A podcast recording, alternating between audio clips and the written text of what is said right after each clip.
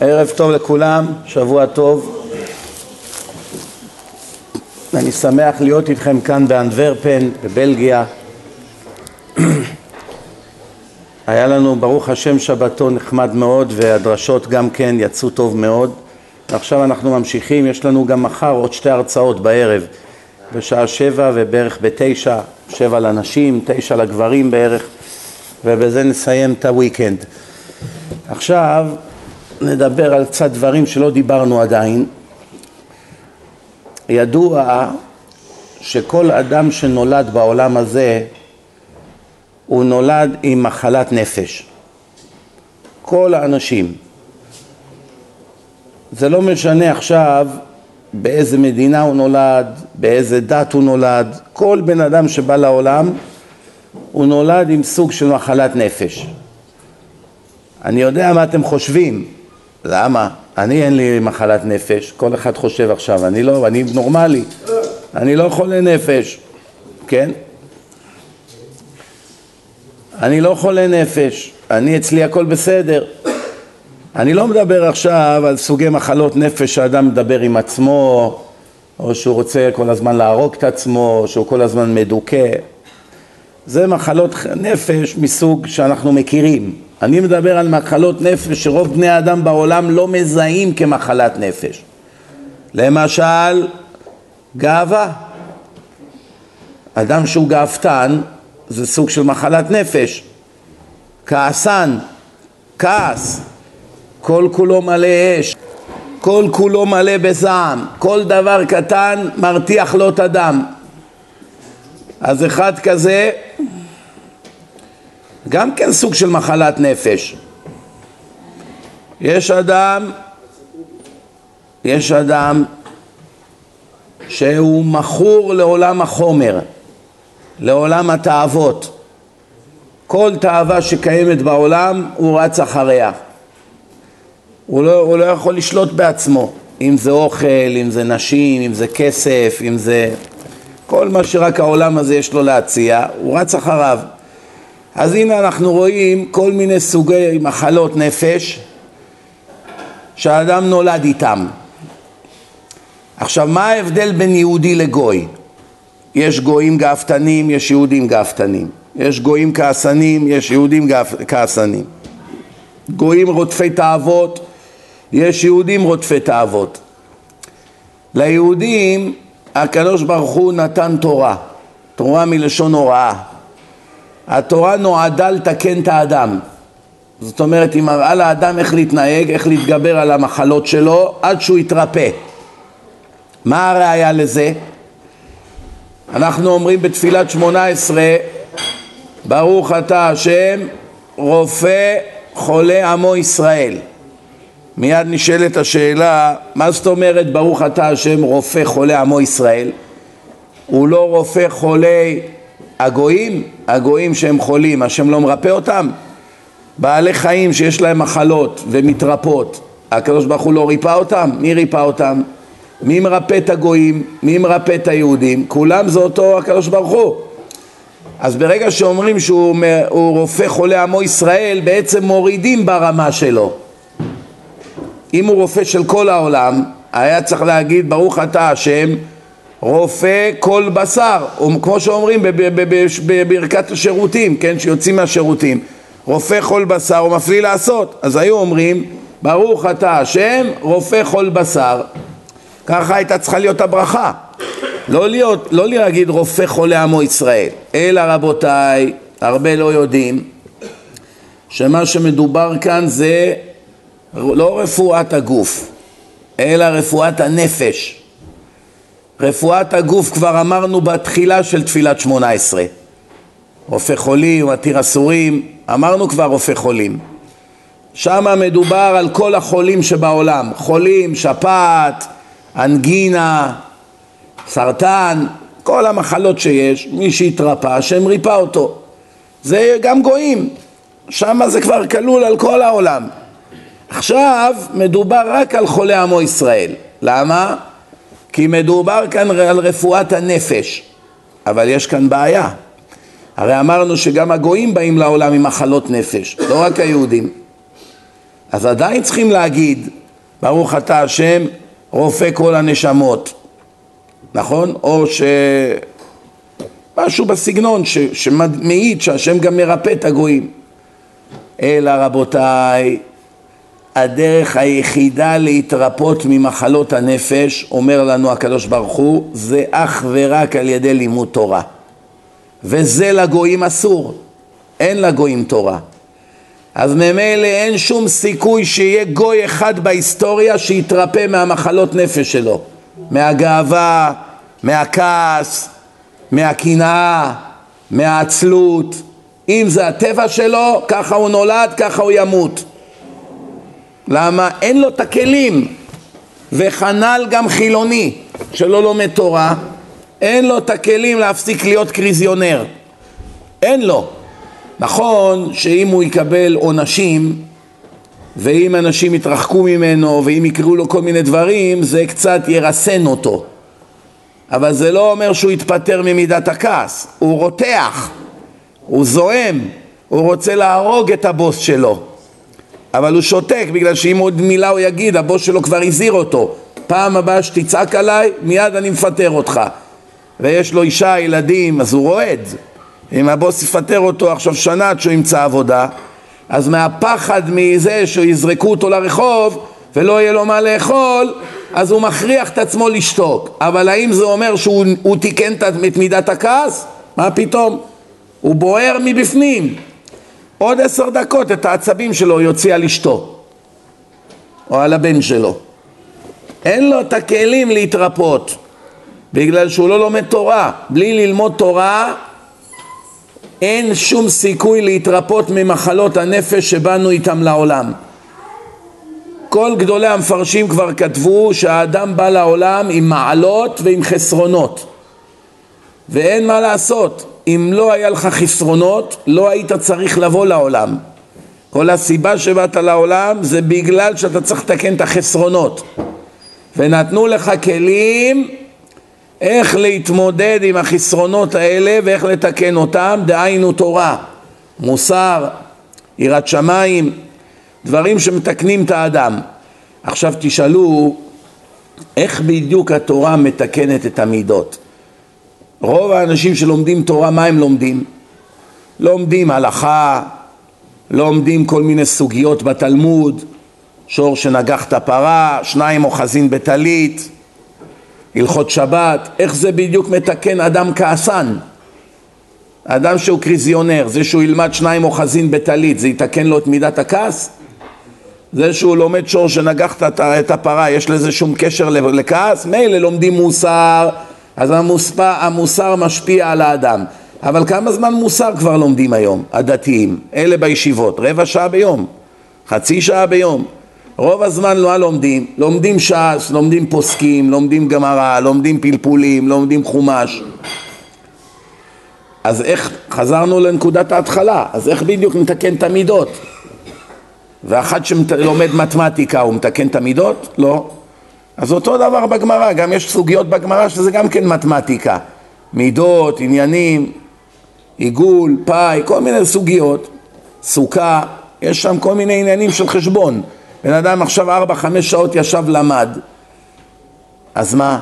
אז הוא נשאר אותו אדם מקולקל, מה? מה אז, אז עכשיו הוא קצת יותר מלומד. לפני שנענה על השאלה הזאת, אני רוצה לשאול אתכם שאלה. שהקדוש ברוך הוא הביא את האדם לעולם עם חסרונות, כן? שאלו את הגאון מווילנה, מה תכלית החיים? אז הוא ענה, תיקון המידות זה כל האדם. תכלית שלך בחיים, באת מקולקל ואתה חייב לעזוב את העולם מתוקן. זה התכלית שלך. באת כעסן, אתה חייב להיפטר מהעולם בלי כעס. באת קנאי, אתה חייב להיפטר מהעולם ללא קנאה. באת קמצן, אתה חייב להיפטר לעולם נדיב, מהעולם נדיב. כן? באת אדם שהוא פרוץ באריות, אתה חייב להיפטר מהעולם אדם שהוא צנוע, שמור, שומר על העיניים, שומר על ההתנהגות שלו, שיש בו צניעות. זאת אומרת, כל המידות הרעות שלך, אתה צריך לעבוד על עצמך ולתקן אותן. אז לפי הגאון מווילנה, הסיבה שהשם ברא אותנו זה לתקן את המידות. זאת אומרת, הוא ברא את הגוף, ואחר כך אה, הוא, הוא הכניס, הוא ברא את הנשמה, הוא יצר את הגוף, הכניס את הנשמה בתוך הגוף, הנשמה כבר הייתה קיימת. מוריד אותה לעולם, ועכשיו היא צריכה להתמודד פה עם כל המטלות והניסיונות שיש בחיים. שאלו את הרמב"ם, מה זה העניין הזה של, הת... של המידות?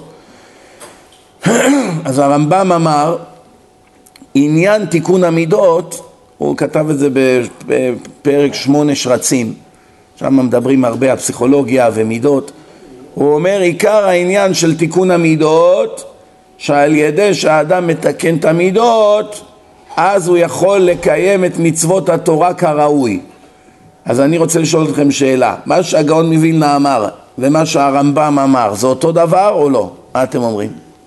או שהם אמרו שני דברים שונים הגאון מווילנה אומר תיקון המידות זה כל האדם הרמב"ם אומר על ידי שאדם יתקן את המידות זה יאפשר לו לשמור את המצוות כראוי כשמסבירים את הגאון מווילנה, גדולי המפרשים, הוא בעצמו היה מפרש, אבל גם עליו צריכים פרשנות, בגלל שהוא היה עמקן גדול. ששאלו את הגאון מווילנה, למה צריך תיקון המידות? מה, איך, איך נעשה תיקון המידות? אז התשובה היא, על ידי התורה אפשר לתקן את המידות. זאת אומרת, התורה היא מרפא לנפש, רפואה לנפש. אבל לפי מה שהרמב"ם אומר, שעכשיו שנתקן את המידות נוכל לקיים את מצוות התורה ולפי הגאון מווילנה יוצא שעל ידי שאתה מקיים את מצוות התורה אז אתה נהפך לבן אדם יותר טוב אז אני שואל שאלה מה באמת זה האמת האמיתית? האם התורה ושמירת המצוות מחנכת את האדם להיות אדם יותר טוב או על ידי שהאדם יחנך את עצמו להיות יותר טוב, הוא יוכל לשמור את התורה יותר. יש נפקא מינה פה, למה? אם נגיד שהתכלית של תיקון המידות זה על, ידי, על מנת שאני אוכל לקיים את התורה כראוי, זאת אומרת המידות נצרכות לתורה. הסיבה צריך תיקון המידות זה כדי שאני אהיה יהודי שמקיים את מצוות השם כמו שצריך, לא חצי חצי ולא עקום, אלא כמו שצריך. לפי ההבנה בדברי הגאון מווילנה ושאר פילוסופים יהודים, מה מבינים? שהסיבה שהקדוש ברוך הוא נתן לנו תורה הוא כדי לחנך אותנו וללמד אותנו איך מתקנים את המידות, שזה התכלית של החיים. אבל לפי הרמב"ם יוצא שכל הסיבה שצריכים לתקן מידות, כי בלי לתקן את המידות בחיים לא תוכל לשמור את התורה כראוי. למשל, אם אתה אדם אנוכי, סלפיש, אגואיסט, לעולם לא תוכל לקיים מצוות כיבוד אב ואם, כי אתה כפוי טובה. אם יש לך מידת כפוי טובה, אתה לא תוכל לקיים אף פעם כיבוד הורים, כמו שצריך, כמו שהתורה דורשת. אם נולדת עם תאוות נשים, אז אתה חולה נפש בעניין נשים. לעולם לא תוכל לקיים את כל הציוויים שיש בתורה לגבי צניעות, לגבי גילוי העריות, כל האיסורים שהתורה אומרת, כיוון שיש לך מחלת נפש, ועוד לא תיקנת אותה, ממילא אתה כל הזמן עובר על עבירות התורה, או גם מה שאתה צריך לעשות כראוי עם אשתך וכולי, גם כן אתה פוגם. למה? כיוון שיש לך את המחלת נפש, והמחלת נפש גורמת שלא תוכל, שלא תוכל לקיים את מצוות התורה כראוי, או להימנע מהעבירות שיש בתורה. שומעים? מצד שני, יש דרך הפוכה להסתכל על זה. מה הדרך ההפוכה? שעל ידי שאני רואה בתורה מה השם שונא ואת כל מה שקרה לכל מיני רשעים בעולם וכל מיני דוגמאות שהתורה מביאה מה היה הסוף של כל מיני אנשים שעשו ככה ועשו ככה וכולי אז זה בעצם עוזר לי להבין כמה חמור איך שאני מתנהג כי אני הרי לא יותר טוב מאותם אנשים וממילא גם זמני פה קצוב. כמו שאנשי סדום מתו אז מה, מה אני עדיף עליהם? נכון? אחד שהוא גיי. הוא רואה שהקדוש ברוך הוא שרף את כל הגייז שהיו אז בסדום והוא היום אותו דבר. אז הוא מתחיל לחשוב לעצמו רגע במה אני שונה מהם? אם השם שרף אותם למה אותי הוא משאיר בחיים? סימן שגם יומי יגיע גם אני אצטרך לשלם על זה יום אחד נכון?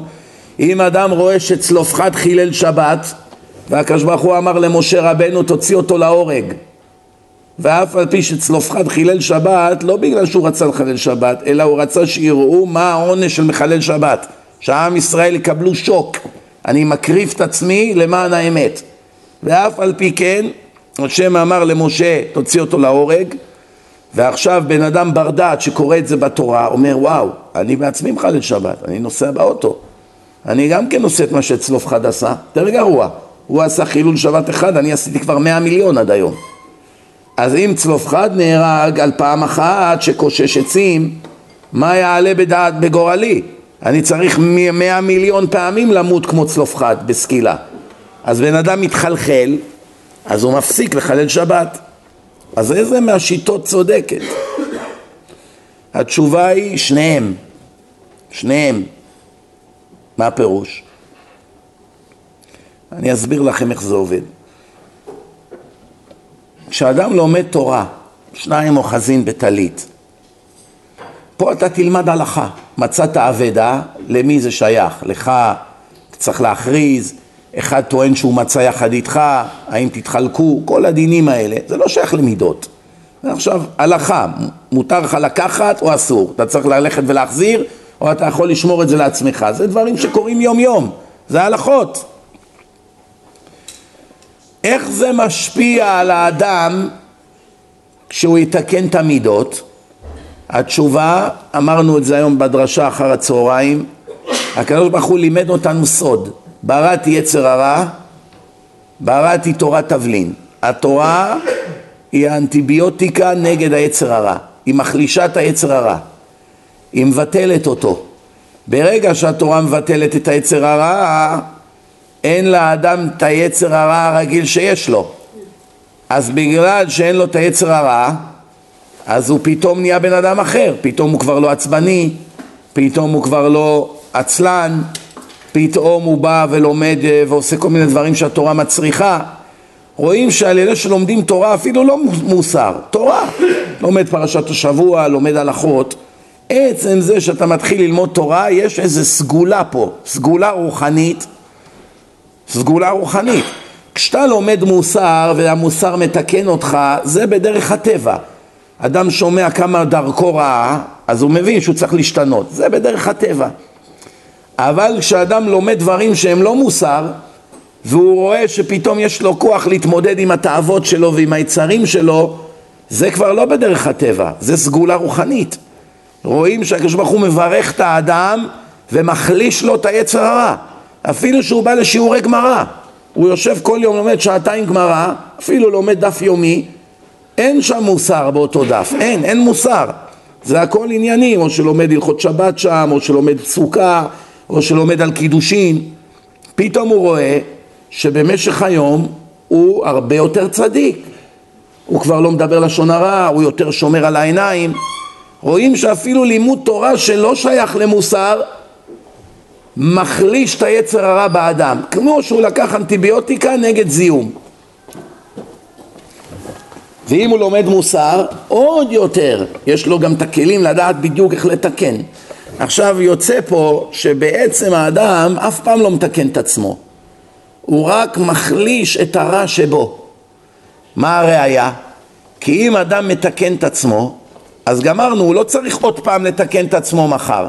יש לו היום לתקן את עצמו, תיקנת את עצמך, תיקנת את המכונית, היה קצר, חיברת את החוטים, מחר עוד פעם צריך, זהו, גמרנו. אבל בתורה זה לא ככה. עכשיו אתה שבוע לא עצבני, כי אתה לומד כל השבוע. פתאום הרב נוסע לארץ, שבוע אין שיעורים. שבוע לא למדת, חזרת להיות קריזיונר. מה רואים מפה? שאף פעם לא תיקנת את מידת הכעס, אלא סך הכל דיכית אותה. כמו חולה נפש, הולך לפס, לפסיכיאטר והוא נותן לו כדורים, והכדורים מרגיעים אותו. הוא לא מדבר עם עצמו, הוא לא עושה שטויות, הוא לא, הוא לא אלים. אז כל עוד הוא לוקח את התרופות, בסדר. ברגע שהפסיק את התרופות, מיד חוזרת לו המחלה. השאלה שלי היא כזאת, האם התורה מדכאת את היצר הרע וממילא אנחנו נראים כמתוקנים, אבל בעצם עוד לא תיקנו כלום?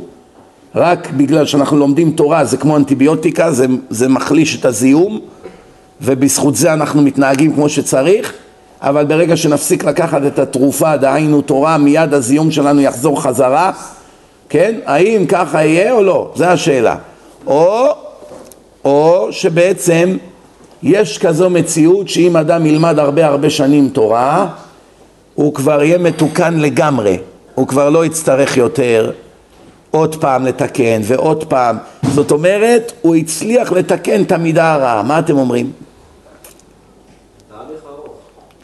נגיד שעשר שנים למדת תורה, לא יצאת מבית המדרש ועכשיו חזרת לרחוב. בעשר שנים אפשר לסיים את ש"ס? אפשר גם בפחות, תלוי מי הבן אדם. יותר קל לסיים את הש"ס בשביל לשנות מידה נכון, ככה אמרו באמת החכמים לשנות מידה אחת יותר קשה מלגמור את הש"ס כי לגמור את הש"ס אתה רק צריך שיהיה לך מידת חריצות והתמדה ואם יש לך קצת שכל אז אתה בסדר אתה אוהב ללמוד, אתה רציני, אתה מתמיד כמו אדם שהולך יום יום פותח את הביזנס, זה התמדה אפילו הוא הלך לישון בשלוש בלילה, אחיו התחתן הוא עדיין בשמונה בחנות למה? יש לקוחות, מה יבואו הלקוחות, הדלת נעולה יש לי אחריות ללקוחות, לביזנס, כן? אז זה נקרא התמדה, זה אדם שהוא מתמיד, הוא לומד תורה, אז הוא יכול לגמור את הש"ס. אבל לשק... לתקן מידה זה, זה הרבה יותר קשה. קשה מאוד לשנות הרגלים וטבע. אבל אנחנו קצת סטינו רגע מהעניין. בואו רגע רק נתמקד בשאלה, אני שואל שאלה עמוקה. היום השיעור הוא קצת עמוק. אם לא תבינו אותו היום, תוכלו להבין אותו מחר. זה יהיה באינטרנט. תוכלו לשמוע אותו כמה פעמים עד שתבינו את זה לעומק. בכל מקרה, הנקודה שלי היא ככה, לפי הרמב"ם, כל הסיבה שצריך לתקן מידות זה כדי שנשמור את מצוות השם כמו שצריך. אז בעצם יוצא שת, ששמירת המצוות זה התכלית. חייבים לתקן את המידות כדי לבצע את התכלית כמו שצריך. לפי הגאון ועוד אחרים, הסיבה שיש מצוות כדי לחנך אותי לתקן את המידות הרעות. סימן שהתורה היא אמצעי לתיקון המידות ויוצא פה בעצם שאין כאן מחלוקת, שניהם צודקים. איך? כל אחד אומר משהו אחר ושניהם צודקים? התשובה היא כן. לפי הגאון מווילנה, ברגע שאדם לומד תורה והוא לומד על כל מיני חיובים שיש בתורה ולמה השם עשה, או איך השם מסתכל על גאווה או על כל מיני דברים אחרים שאנחנו עושים, זה נותן לאדם כוחות לתקן את המידות. ואז כשהוא מתקן את המידות, הוא בעצם מקיים את התכלית שלו שהוא צריך לתקן את המידות. לפי הרמב"ם, ברגע שאדם לומד תורה, הוא לומד תורה, אותו דבר, זה נותן לו כוחות, זה מחליש לו את היצר הרע, זה נותן לו כוחות לתקן את המידות. ועכשיו שהוא מתקן את המידות, בעצם למה הוא צריך לתקן את המידות? עכשיו הוא יוכל לשמור את מצוות התורה, זה כמו גלגל. זה כמו גלגל, חוזר. הבנתם מה קורה פה? עכשיו שאתה לומד תורה... לתקן מידה, כמו שאומר הרמב"ם, זה. קודם כל. לא, לא, לא, לא, לא, זה התיקון פה. שניהם מדברים על ללמוד תורה. בלי ללמוד תורה אי אפשר, זה הסברתי לכם כבר לפי חז"ל, שאנחנו אומרים בתפילה, רופא חולה עמו ישראל, אי אפשר לרפות את היהודי מהמחלות נפש שלו בלי תורה. זה כולם מודים, אין על זה מחלוקת. מעולם אדם לא תיקן את המידות הרעות שלו מכל מיני שטויות, אלא אך ורק מתורה. אך ורק מתורה. אבל עדיין יש קושייה, יש כביכול הבדל בין הרמב"ם לבין הגאון. שלפי הגאון אני לומד תורה כדי לתקן את המידות וגם שמירת המצוות זה כדי לתקן את המידות. שומעים? גם שמירת המצוות היא נצרכת בשביל מה? לתקן את, את המידות. אז גם לימוד תורה עיוני וגם שמירת מצוות, שניהם נועדו למה? לתיקון המידות, שזה התכלית. בשביל זה באת לעולם. לפי הרמב"ם, למה אני לומד תורה? כדי להחליש את היצר הרע, כן? חז"ל, בראתי יצר הרע, בראתי תורת תבלין. ואם אני מחליש את היצר הרע, זה עוזר לי לתקן את המידות. ולמה אני צריך לתקן את המידות? כדי שאני אשמור את המצוות, כי זה רצון השם, זה התכלית. הבנתם? אבל באמת אין נפקא מינה בין ואתה הולך לשיטת הגאון לבין ואתה הולך לשיטת הרמב"ם יוצא בדיוק אותה תוצאה בשניהם אתה חייב ללמוד תורה יום ולילה, להיות עמל בתורה ובשניהם אתה חייב לשמור את המצוות, קלה כבחמורה יוצא אותה מסקנה אבל עדיין יש קושייה שיבוא משיח ונשאל אותו, תגיד, מה הצטרך למה? האם שמירת המצוות היא עבור תיקון המידות, או תיקון המידות הוא עבור שמירת המצוות? מה נוצר בשביל מה? הבנתם? למשל, שואלים עכשיו בטבע, מה נוצר בשביל מה? גבר נוצר בשביל אישה, או אישה נוצרה בשביל גבר? כולם קוראים פסוק בתורה, וירא השם אלוקים את האדם, כן? ומה הוא אמר? לא טוב היות האדם לבדו, אעשה לו העזר כנגדו. זאת אומרת, יש אדם, וזה לא טוב שהוא לבד. עכשיו השם מבין שלטובת האדם אני צריך לברוא לו אישה. אז הוא ברא לו את האישה לטובת האדם. זאת אומרת, אם לא היה אדם, הייתה אישה? לא, לא הייתה אישה. כי אם אין אדם, לא צריך אישה בעולם. זה דבר מעניין מאוד פה. ולכן גם האישה נבראה מתוך האדם, ולא בריאה בפני עצמה.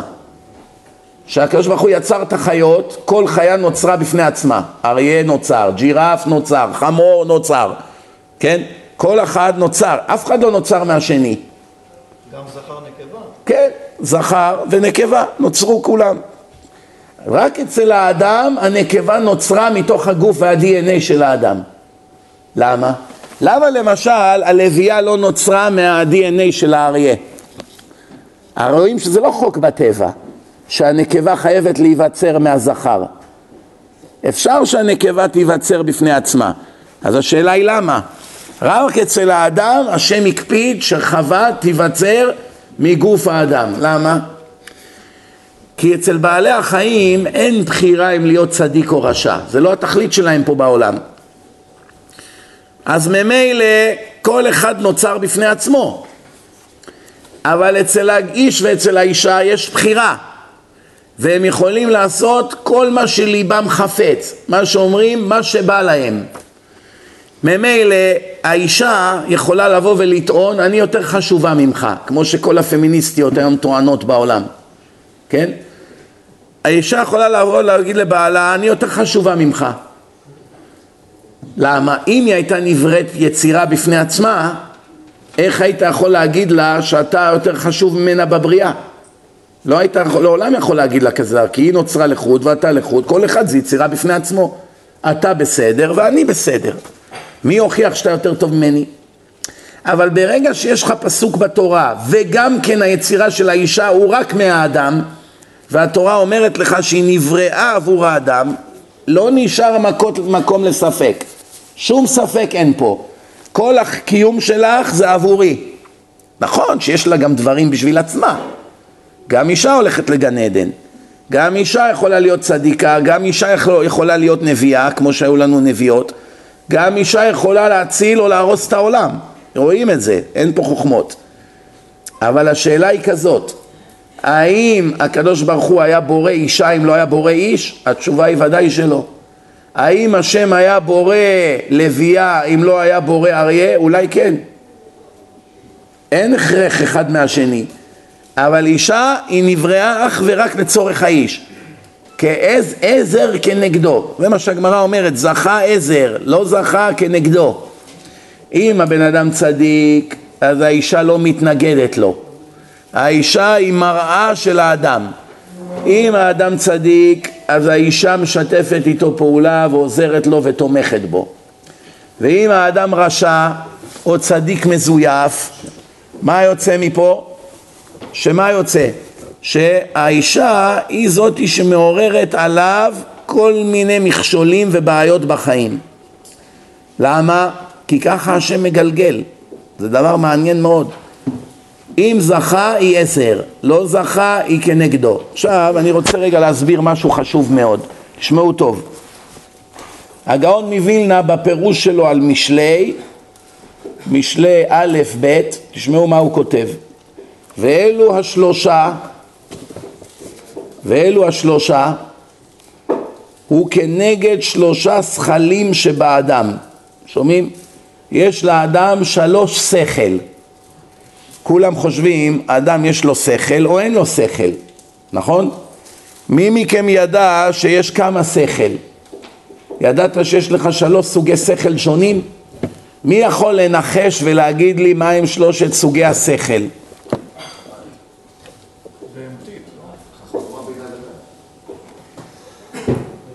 מה אתם אומרים? אומר יוסף חוכמה בינה ודעת. מה ההבדל בין חוכמה בינה ודעת, אתם יודעים? חוכמה, מה שאתה שומע אתה מבין. לך ישר, תפנה ימינה, תעלה על ההר. אז מה שאומרים לך, אתה מבין או לא מבין, כן? המוח עובד או לא עובד. בינה זה היכולת להבין דבר מתוך דבר. שיש לך דברים שהם לא ברורים, ואתה מתוך מה ששמעת מסיק מסקנות נכונות. אמרו לך, מצאו בזירת הרצח בוץ על השטיח. סימן שבאותו יום ירד גשם, הרוצח בא עם בוץ.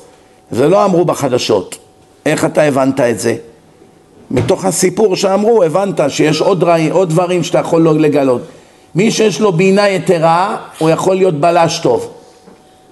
מה ההבדל בין אדם שהוא פיתח את הבינה שלו מאוד מאוד מאוד לאישה שכתוב עליה שבאופן טבעי יש לה בינה יתרה?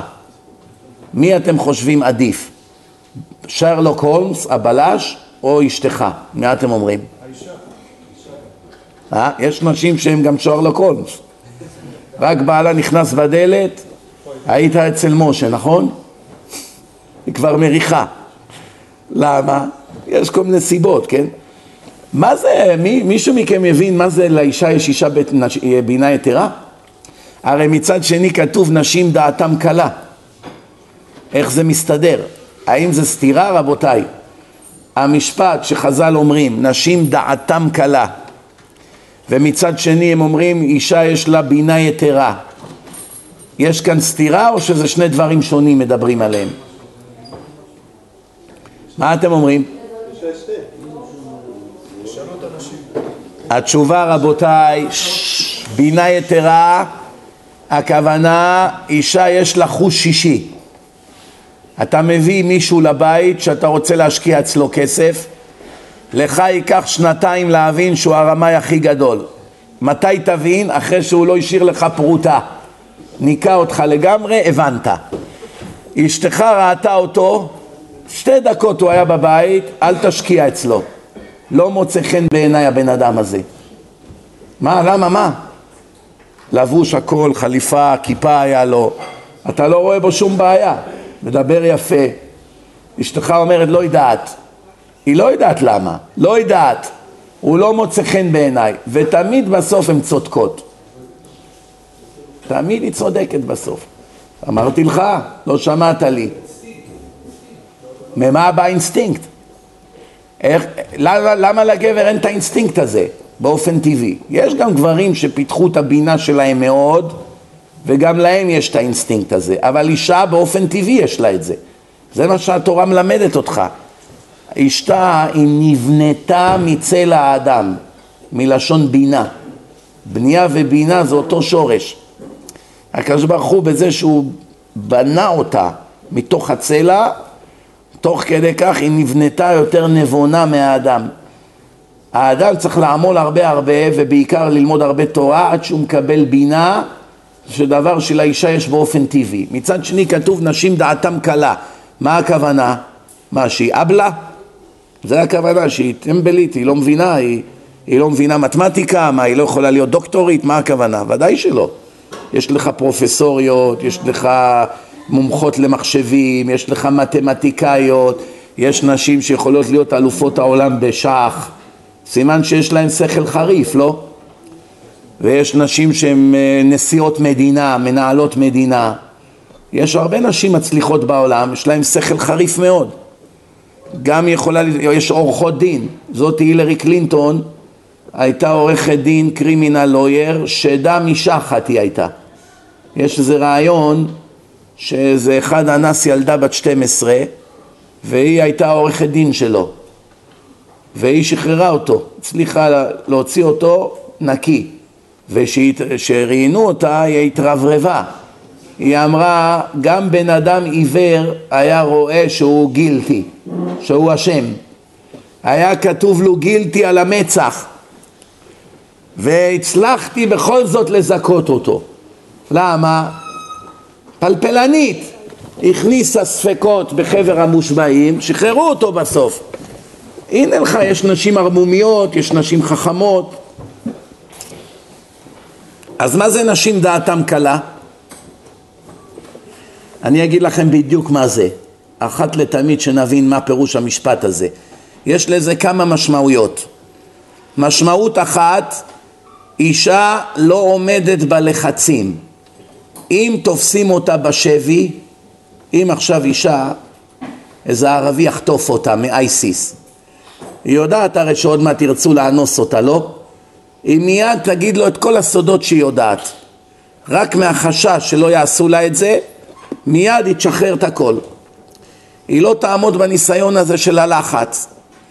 כל פעם שמפעילים על אישה לחץ, היא מגיבה בשונה לגבר. נכון שיש גברים היום שהם יותר גרועים מנשים, אנחנו מדברים על הכלל, לא על היוצא מן הכלל. ולומדים את זה גם משרה אימנו, ששרה נתפסה משקרת, היא אמרה לא, לא צחקתי, אבל היא כן צחקה, נכון? מה היא ענתה מיד? לא, לא צחקתי, על מי את באה לעבוד? זה אני, השם. מה את אומרת לי לא צחקתי? מילא עכשיו השוטר אומר, היי, נסעת מהר, מה פתאום, זה לא הייתי אני. זה האוטו שאחריי היה, אתה טעית. לא, אני ככה, הוא מספר לו סיפורים. למה? הוא אומר על השוטר עוד אני יכול, איך אומרים, לבלף אותו.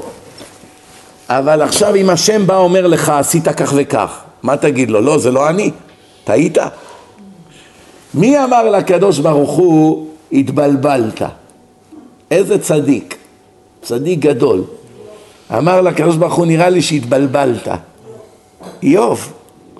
הוא אמר לקדוש ברוך הוא, מה, התבלבלת בין איוב לאויב? זה אותם אותיות. אולי השתנה לך אצלך במקום איוב, אתה עכשיו מסתכל עליי כאילו אני אויב. מה השם ענה לו?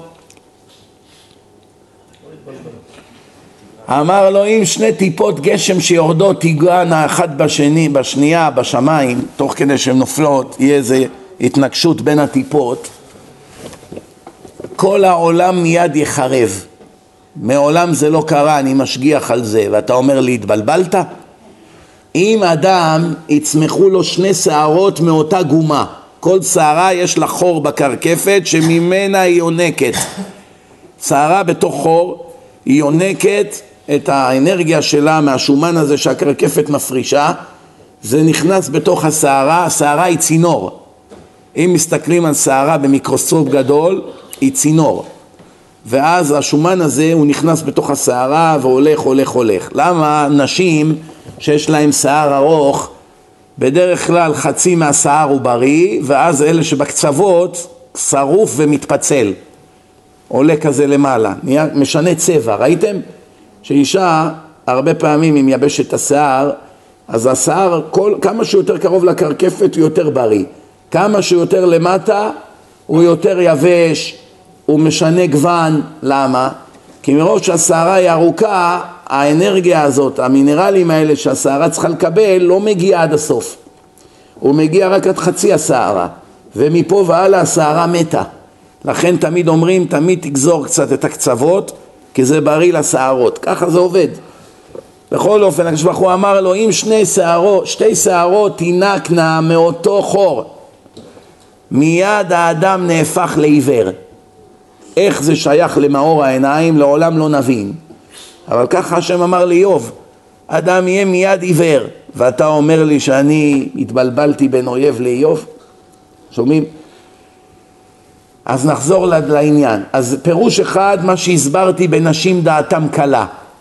פירוש שני, פירוש שני, אישה שלא מקבלת תשומת לב מבעלה. בעלה לא מראה לה אהבה. זה סכנת נפשות. זה לא רק שעכשיו היא עצובה ומדוכא ואין לה, הרי כתוב ואלישך תשוקתך והוא ימשול בך. הפסיכולוגיה, פסיכולוגיית הנפש של האישה, אם יש לה בעל שאוהב אותה ומכבד אותה, החיים שלה הם הכי מאושרים שיכולים להיות. גם אם אין לה חומריות, גם אם היא לא גרה בארמון, גם אם אין לה משרתות, אמנם היא צריכה לטרוח הרבה, אבל עצם זה שבעלה נותן לה מחמאות והיא חשובה בעיניו, הוא אוהב אותה והוא כותב לה כל מיני דברים יפים, זה מחיה אותה. מה הסיבה שגברים היום לא מתנהגים יפה לנשים שלהם, כמעט כולם? יש לזה כמה סיבות. סיבה אחת זה אשמת הנשים. הן אשמות. למה? הן לא מקפידות על האסתטיקה שלהן. אישה, השם ברא אותה למען הגבר, נכון? והגבר יש לו כל מיני צרכים. והצרכים האלה יכולים להיות בסיטואציה מסוימת שהגבר כבר לא ירצה את האישה הזאת. למה? כשהוא הכיר אותה היא הייתה יפה, מושכת בעיניו, היא הייתה רזה, היא הייתה מטפחת את עצמה, היא תמיד הייתה נקייה, תמיד היא טיפלה בכל מה שיש לה, כל מיני בעיות, נגיד אם יש לה איזה פצעים בגוף או משהו, היא תמיד טיפלה בעצמה. היא אף פעם לא הסכימה להשמין, היא תמיד הייתה לידו מתאפרת, אני יודע מה, היא מתלבשת יפה לכבודו תמיד, שמה לכבודו בושם, זאת אומרת, בכל פעם שהוא היה איתה, מההתחלה עד נקודה מסוימת, הוא פשוט התענג ממנה. היה לו כיף להיות בחברתה. אחר כך היא התחילה להזניח את עצמה. כבר לא אכפת לה, היא כבר לא מקפידה על המשקל, היא כבר לא אכפת לה אם היא תשים בושם או לא תשים בושם. אז ממילא היא גרמה לעצמה לאבד מהאיכויות שהיו לה. אני מדבר עכשיו מבחינה חיצונית. וממילא היא משניאה את עצמה על בעלה. אני יודע מה תגידו. בעיקר עכשיו יש נשים ששומעות את זה, מה זה? מה, הוא רוצה אותי בגלל היופי שלי? הוא רוצה אותי בגלל הגוף שלי? התשובה היא, זה כתוב במפורש בתורה וזה כתוב במפורש בגמרא גם, שאחד הסיבות שהשם ברא את האישה כדי להציל את האדם מהחטא, ולא נבראו נשים אלא ליופי. תפקיד של האישה להיות יפה כל הזמן, במיוחד ליד בעלה, לא בשביל האמיגוס בסופרמרקט. כשהיא הולכת לסופרמרקט, מתגנדרת שעתיים. כשבעלה בא הביתה, איך אומרים? שמטה, היה לה יום קשה עם הילדים. היא לא מטפחת את עצמה. אז, אז, אז מה הוא רואה? הוא רואה דברים שלא מוצאים חן בעיניו.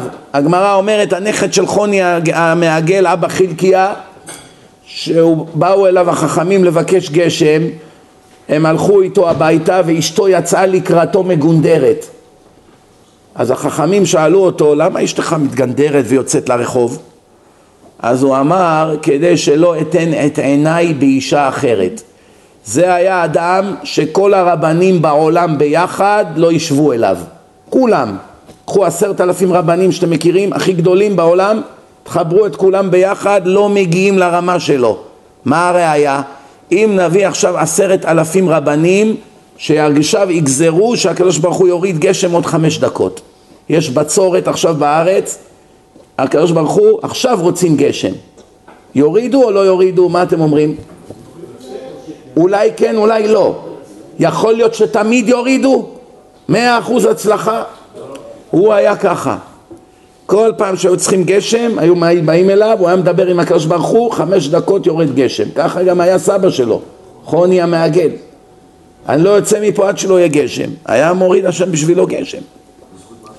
היה לו מין מדרגה גבוהה, הוא מדבר עם השם, הקדוש ברוך הוא משנה את הטבע בשבילו. אין כאלה היום בעולם, נכון? אתם מכירים אחד שעכשיו בא לרב, הרב יש לו סרטן והוא בוכה לרב, הרב אומר לו בוא בוא רגע, איפה, איפה כואב פה? הוקוס פוקוס, אדרה קדברה, יאללה לך, לא צריך ניתוח, אתה בריא. יש כאלה? יש כאלה שמרמים את הטיפשים, אבל במציאות יש כאלה, הוא ריפא אותי, הוא נגע בי, הלכה המחלה. אין, אולי פעם היה, אולי, גם לא בטוח. מה שכן דבר אחד בטוח, שהרב הזה היה לא קדוש, סופר קדוש, כן? סופר קדוש, כן? תדמיינו לכם שיא הקדושה. ומה הוא אמר לחכמים? הוא לא התבייש להגיד לחכמים, זה חכמים נציגים של הבית דין. הוא אמר להם אם אשתי לא תהיה יפה, סופי שאני אסתכל על נשים אחרות.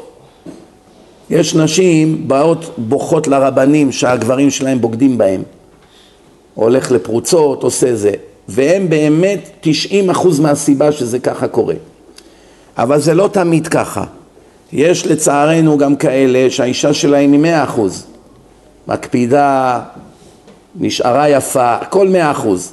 ועדיין הוא בעל תאוות, והוא אדם אנוכי, ולא מעניין אותו, והוא הולך ועושה את זה בלי, בלי קשר לאשתו. זה לא אשמתה, זה מאה אחוז אשמתו. יש שני צדדים למטבע, לפעמים זה אשמת הגבר, לפעמים זה אשמת האישה. מה שלא יהיה, בכל מקרה, גם כשזה אשמת האישה, הגבר מקבל על זה עונש מלא. אפילו שהיא גרמה. עדיין הוא היה צריך להתגבר על עצמו, זה נגד התורה מה שהוא עושה. זאת אומרת, יוצא שהאישה לא הייתה עכשיו עזר, אלא היא הייתה כנגדו. היא באה להציל אותו מהחטא, והיא גרמה לו לעשות חטא. היא צריכה להקפיד על עצמה, זה לא צחוק. מובן? במיוחד בדור פרוץ כמו היום. אני שאלתי פעם איזה רב גדול, אמרתי לו, כבוד הרב, אז היו, הוציאו על הפאות, על הפאות הוציאו פלקט כזה, כל מיני רבנים שמדברים חזק מאוד נגד הפאות. בדורות הקודמים אמרתי לו, מה אתה אומר על זה? הוא אמר לי, כל מה שהם אומרים אמת, אבל זה כבר לא נוגע לדור שלנו. אנשים בדור שלנו כל כך עלובים וכל כך פרוצים, שאם אתה תכריח גבר שאשתו כל הזמן תכסה את הראש ולא תשים פאה לכבודו, כמעט בטוח שבסוף הוא ירד מן הדרך וילך יעשה עבירות עם נשים אחרות. עדיף שישימו פאות צנועות, ככה הוא אמר לי, עדיף שישימו פאות צנועות, לפחות לכבוד הבעלים שלהם, כדי שיהיה ביניהם שלום בית, כי הקדוש ברוך הוא מוחק את שמו על שלום בית. פעם אנשים היו ברמה יותר גבוהה. הקשר שלהם עם האישה גם היה ברמה יותר גבוהה. היום אנשים רדודים, עלובים, אין להם את מה שהתאווה שלהם רוצה, הם הולכים לחפש אותה במקום אחר. וככה נהרסים אלפי בתים כל שנה בעולם, בארץ, בעולם היהודי, לצערנו הרב. אני לא אומר שזה ההלכה מה שהוא אמר, אבל אי אפשר להגיד שהוא מדבר שטויות. הוא אדם שמחובר למציאות, הוא רואה מה הולך, כן? איך לפסוק, כל אחד יפסוק לפי הרב שלו, אבל הבנתם את הנקודה לפחות? כן. מה שהוא אומר? מובן לחלוטין.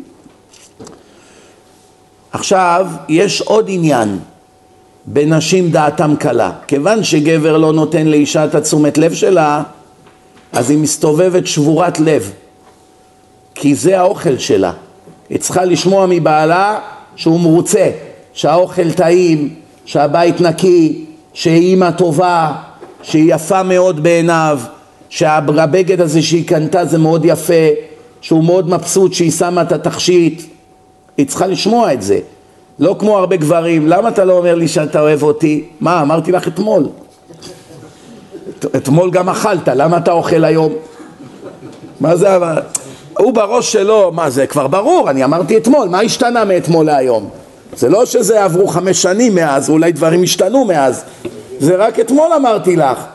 לא, אבל אני אמרתי לך לפני שעתיים, לא? אז למה אתה לא אומר עוד פעם? הוא לא מבין, הוא לא מצליח להבין. כי גבר לא צריך שאשתו תגיד לו כל שעה שהיא אוהבת אותו. מספיק שהיא אומרת לו פעם בשבוע הוא רגוע. מה כבר השתנה, כן? זה ראש של גבר. כי לגבר לא כתוב ואל אשתך תשוקתך.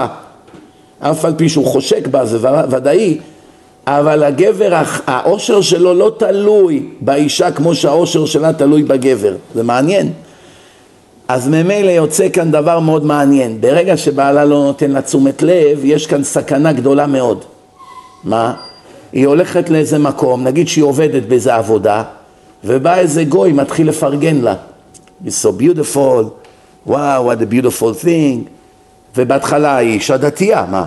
excuse me וזה, I have to go, היא בורחת ממנו. אבל בינתיים העינוי שלה עם בעלה ממשיך. ועוד יותר נבנה אצלה התסכול, ועוד ועוד ועוד, עד שהיא נופלת. זה נקרא נשים דעתם קלה. מרוב המצוקה הנפשית שלה, שבעלה לא מתייחס אליה או שמבזה אותה, בקלי קלות אפשר להפיל אותה בפח. מספיק שאתה קונה לה איזה פרח ואומר לה it's so beautiful וזה, ופתאום היא מתחילה להפוך את הגוי הזה לפסיכולוג שלה. תשאלו את כל הנשים בארץ מי הפסיכולוג שלהם, התשובה ספר נשים. הספרי נשים, הם שנהיו ספרי נשים, הם חשבו שהם באים לספר שערות או לצבוע שערות. הם לא ידעו שבעצם הם הולכים להיות פסיכולוגים. למה? כל אישה שהולכת לספר, ברגע שהוא כבר נגע בה, היא נפתחת אליו, ומתחילה לספר לו מה בעלה עושה לה, ואיך היא ככה, ואימא של אשתו היא כזאת, והרבה נופלים בזה, הרבה. חמור מאוד הדברים האלה. אז מה רואים מכאן? נשים דעתם קלה, הכוונה ברגע שאין לה את העושר הזה, אפשר להפיל אותה בקלות בפח. כמה מחמאות והיא נפלה בפח. העומק של התורה הוא אינסופי, כמה שאתה לומד יותר אתה מבין על החיים יותר. הרבה אנשים לא לומדים כלום, בגלל זה שום דבר הם לא מבינים, כל החיים שלהם נראה כמו סלט כזה מעורפל. הם לא מבינים למה זה קורה לי, ולמה זה קורה לי, ולמה ככה, ולמה הילד ככה. לכל דבר יש שורש. רוב האנשים הם רק מטפלים בסימפטומים של החיים שלהם. הם לא מטפלים לעולם בשורש הבעיה. אדם שיש לו כאבי ראש, הוא לוקח אדוויל. הכדורים שהוא לקח, לקחו ממנו את הכאב ראש לחמש שעות. האדם הזה טיפל בשורש הבעיה או שהוא טיפל בסימפטום של הבעיה? אך ורק בסימפטום. הבעיה עדיין קיימת. כנראה שיש לו איזה משהו שגורם לכאב ראש. יש איזה משהו. אדם שהתנפחו לו הפנים והוא בא לרופא שיניים והרופא שיניים פותח את השן ושם קצת אנטיביוטיקה ומנקה וכולי אחרי יום יומיים יורדת הנפיחות ואין כבר כאבים כי כבר לא נפוח אז מה הוא חושב? יאללה התרפאתי מה הרופא אומר לי תבוא שבוע הבא? לא צריך הנה נפתרה הבעיה אין כבר נפיחות אין כבר כאבים טיפש אתה חייב עכשיו לטפל בשורש הבעיה טיפול שורש אם לא, עוד פעם תחזור הבעיה, עוד פעם, עוד פעם, עד שתאבד את השן. בסוף לא יהיה לך שן. יש מציאות שכבר אי אפשר יותר לטפל בבעיה. פעם אפשר, פעמיים, שלוש, לא טיפלת, הבעיה החמירה עד כדי כך שמעוות לא יוכל לתקון. אתם מבינים מה זה מעוות לא יוכל לתקון? שהדבר הזה נהרס לגמרי, אין לו יותר תקנה. ויש דברים שעדיין אפשר לתקן. טוב, נחזור לעניין. שאלתי אתכם כמה סוגי שכל יש לאדם. הגאון מווילנה בהסבר שלו על משלי הוא מסביר שלושה סוגי שכל. מי יכול להגיד לי מדעתו איזה שלושה סוגי שכל יש? אמרנו שזה לא זה. חוכמה, הסברתי מה זה. בינה זה היכולת להבין דבר מתוך דבר. ו... ו... ודעת זה כל מה שלמדת על ידי חוכמה ובינה, ליישם את זה למעשים, נכון? אבל הגאון, אני אקרא לכם מה אומר הגאון מווילנה. בואו נראה, אולי זה כן זה, אולי זה מתקשר, בואו נראה. בואו נראה, הנה אני קורא לכם מילה במילה. ואלו השלושה הוא כנגד שלושה שכלים שבאדם, מלשון שכל. שכל העיוני, לא עיוני, עיוני, כן? שכל עיוני, לעיין, עיון. שכל המחשבה ושכל המעשה. בעצם יוצא, עכשיו שקוראים את זה, שזה כן חוכמה בינה ודעת. כי מה זה שכל, ה... שכל העיוני? מה זה עיון? שמעת את הפרטים, אתה מבין אותם בשכל, מה זה המחשבה? שאתה עושה חשבונות. מה אמרו, מה לא אמרו, מה יוצא מזה, זה המחשבה. ושכל המעשה, שאתה יכול להתגבר על היצרים הבהמיים שלך ולקיים את מה שהשם אמר. אז זה שלושה סוגי שכל, רק הגאון קורא לזה שלושה סוגי שכל ואנחנו קוראים לזה חוכמה, בינה ודעת. בואו נראה אם צדקנו, חכו. בהילוך כוכבים שומעים מה הוא כותב? שימו לב טוב. הילוך כוכבים ובמרכבה וכדומה, ושכל המחשבה הוא להנהיג את עצמו במידות, ושכל המעשה הוא במעשים. אז בכלל לא צדקנו. זה נשמע, אבל זה לא מה שהגאון כותב. עוד פעם נחזור מה הוא אומר. שמעו מה הוא אומר. הילוך הכוכבים הוא במרכבה, זה שכל עיוני, מעשה מרכבה. תנועת הכוכבים, מה שנקרא אסטרונומיה. אולי אפשר להוסיף לזה גם מתמטיקה, כל מיני דברים אחרים, שכל עיוני. כן? בארץ יש שני בתי ספר תיכון, שני סוגים. יש בית ספר מקצועי ויש בית ספר עיוני. מה ההבדל? שאלתם את עצמכם, מה ההבדל? בבית ספר מקצועי אתה בא ללמוד מקצוע, חשמל, אלקטרוניקה, מכונאות רכב, טכנאי שיניים, שומעים? ואז אתה ממשיך אחר כך להיות הנדסאי או מהנדס, אבל באת מראש כבר על מנת להיות או אלקטרוניקה או חשמלאי, כן? בית ספר עיוני, רק דברים עיוניים לומדים, שום מקצוע. מתמטיקה לומדים, גיאומטריה לומדים, ספרות לומדים, מה זה ייתן לי בחיים? בדרך כלל כלום. כלום. עכשיו אם אתה רוצה לקבל מקצוע, עכשיו אתה צריך להתחיל אחרי שסיימת 12 שנות לימוד. עכשיו אתה צריך להתחיל ללמוד. אבל בבית ספר מקצועי כבר ארבע שנים למדת חשמל. זאת אומרת, אתה כבר יכול לצאת חשמלאי, אולי אתה צריך עוד שנה, שנתיים להשלים, להגיע לאיזה תואר, אבל כבר יש לך את הידע. אז למה הולכים לבית ספר עיוני? אף פעם לא הבנתי. הרי גם בבית ספר מקצועי לומדים מתמטיקה וכל מיני דברים אחרים, ספרות. כנראה שהסיבה היא שתוכל להמשיך לאוניברסיטה. שבלי בית ספר עיוני ותעודת בגרות לא תתקבל לאוניברסיטה. אז ממילא הוא לא רוצה להיות חשמלאי או מכונאי, הוא לא רוצה ללמוד מקצוע, הוא רוצה להיות עורך דין. זה לא לומדים בתיכון.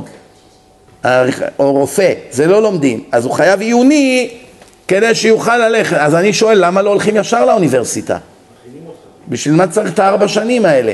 באוניברסיטה שילמדו אותך את כל מה שצריך. ישר אתה הולך לאוניברסיטה ואתה מתחיל ללמוד שם. כל מה שאתה צריך. אז תהיה דוקטור יותר מהר, עורך דין תהיה יותר מהר. טוב, זה כבר חשבונות של משרד החינוך וכולי. סתם אני שואל. נחזור לעניין. זאת אומרת, בעצם, שימו לב, הגאון מווילנה אומר לך, אחרי שקצת בלבלתי אתכם, זה כן חוכמה בינה ודעת, זה לא חוכמה בינה ודעת, התשובה זה כן חוכמה בינה ודעת. רק הגאון משתמש בדוגמאות שונות. הוא אומר לך כגון אסטרונומיה, כל מיני ידע שאתה רוכש בחיים, זה ידע מה ששמעת למדת. ויש ידע שכל המחשבה להנהיג את עצמו במידות. מה פירוש? מה פירוש?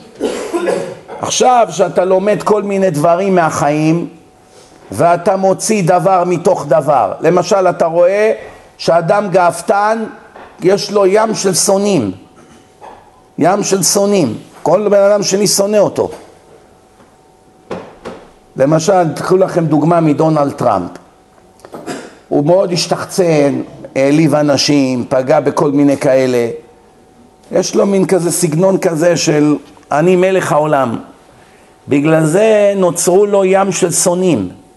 הוא יכול היה להגיד את כל מה שהוא אמר עד היום בצורה שונה, עם יותר ענווה, עם יותר כבוד, בלי להשפיל אנשים, בלי לזלזל באנשים. הוא היה מביס, מביס את המתחרה שלו בלי בכלל תחרות. למה? כיוון שהרבה מהאנשים שרצו את הדעות שלו לא הצביעו לו בגלל האישיות שלו. זאת אומרת, האישיות שלו פגעה בו. מצד שני, יש לו גם דברים חיוביים באישיות שלו.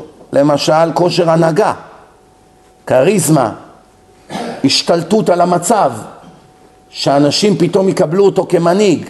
זה לא פשוט, לא כל אחד יש לו את הכישרון הזה. יש אנשים חכמים מאוד, הם לא יכולים להשתלט על ילד. אין להם את הכושר להשתלט בביטחון, לבוא, לתת הוראות. לא לכל אחד יש את הכישרון הזה. זה כישרון שצריכים בשביל מנהיג. אם אתה לא כזה, זה לא יעזור.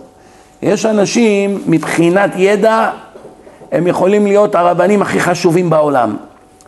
אבל אין להם את הכישרון להנהיג ציבור. להשתיק את הקהל בבית הכנסת הם לא יכולים. מדברים, הם לא יכולים. יש מקומות, רק הרב מגיע, נהיה דממה בבית הכנסת, אף אחד לא מצייץ, הוא לא צריך להגיד ששש כל רגע. יודעים, הוא כאן, יש כאן אש בזה, כמו שאמרו חכם בן ציון אבא שאול, התלמידים שלו מעידים שהוא היה בא לשיעור, כל התלמידים היו דרוכים, אף אחד לא היה ממצמץ, לא, היו, לא היה שום התעסקות באיזה משהו, כולם היו כמו מגנט. למה? מרוב הכוח שלו והכריזמה, שהשיעורים היו כל כך ברמה, אם היית מפספס כמה דקות מהשיעור כבר לא היית שם. כולם היו כמו קפיץ בשיעורים שלו. בגלל זה גם שימו לב שהרבה מהתלמידים שלו כולם נהיו רבנים גדולים מאוד בארץ. רבנים גדולים מאוד, רואים גם את השיטה שלהם, רואים את ההשפעה שהייתה לו עליהם, אלה שלמדו אצלו בשיעור. וגם אלה היום שהם רבנים גדולים, שהם בעצמם מלמדים, הם אומרים לך שהם אפילו לא אחוז ממנו.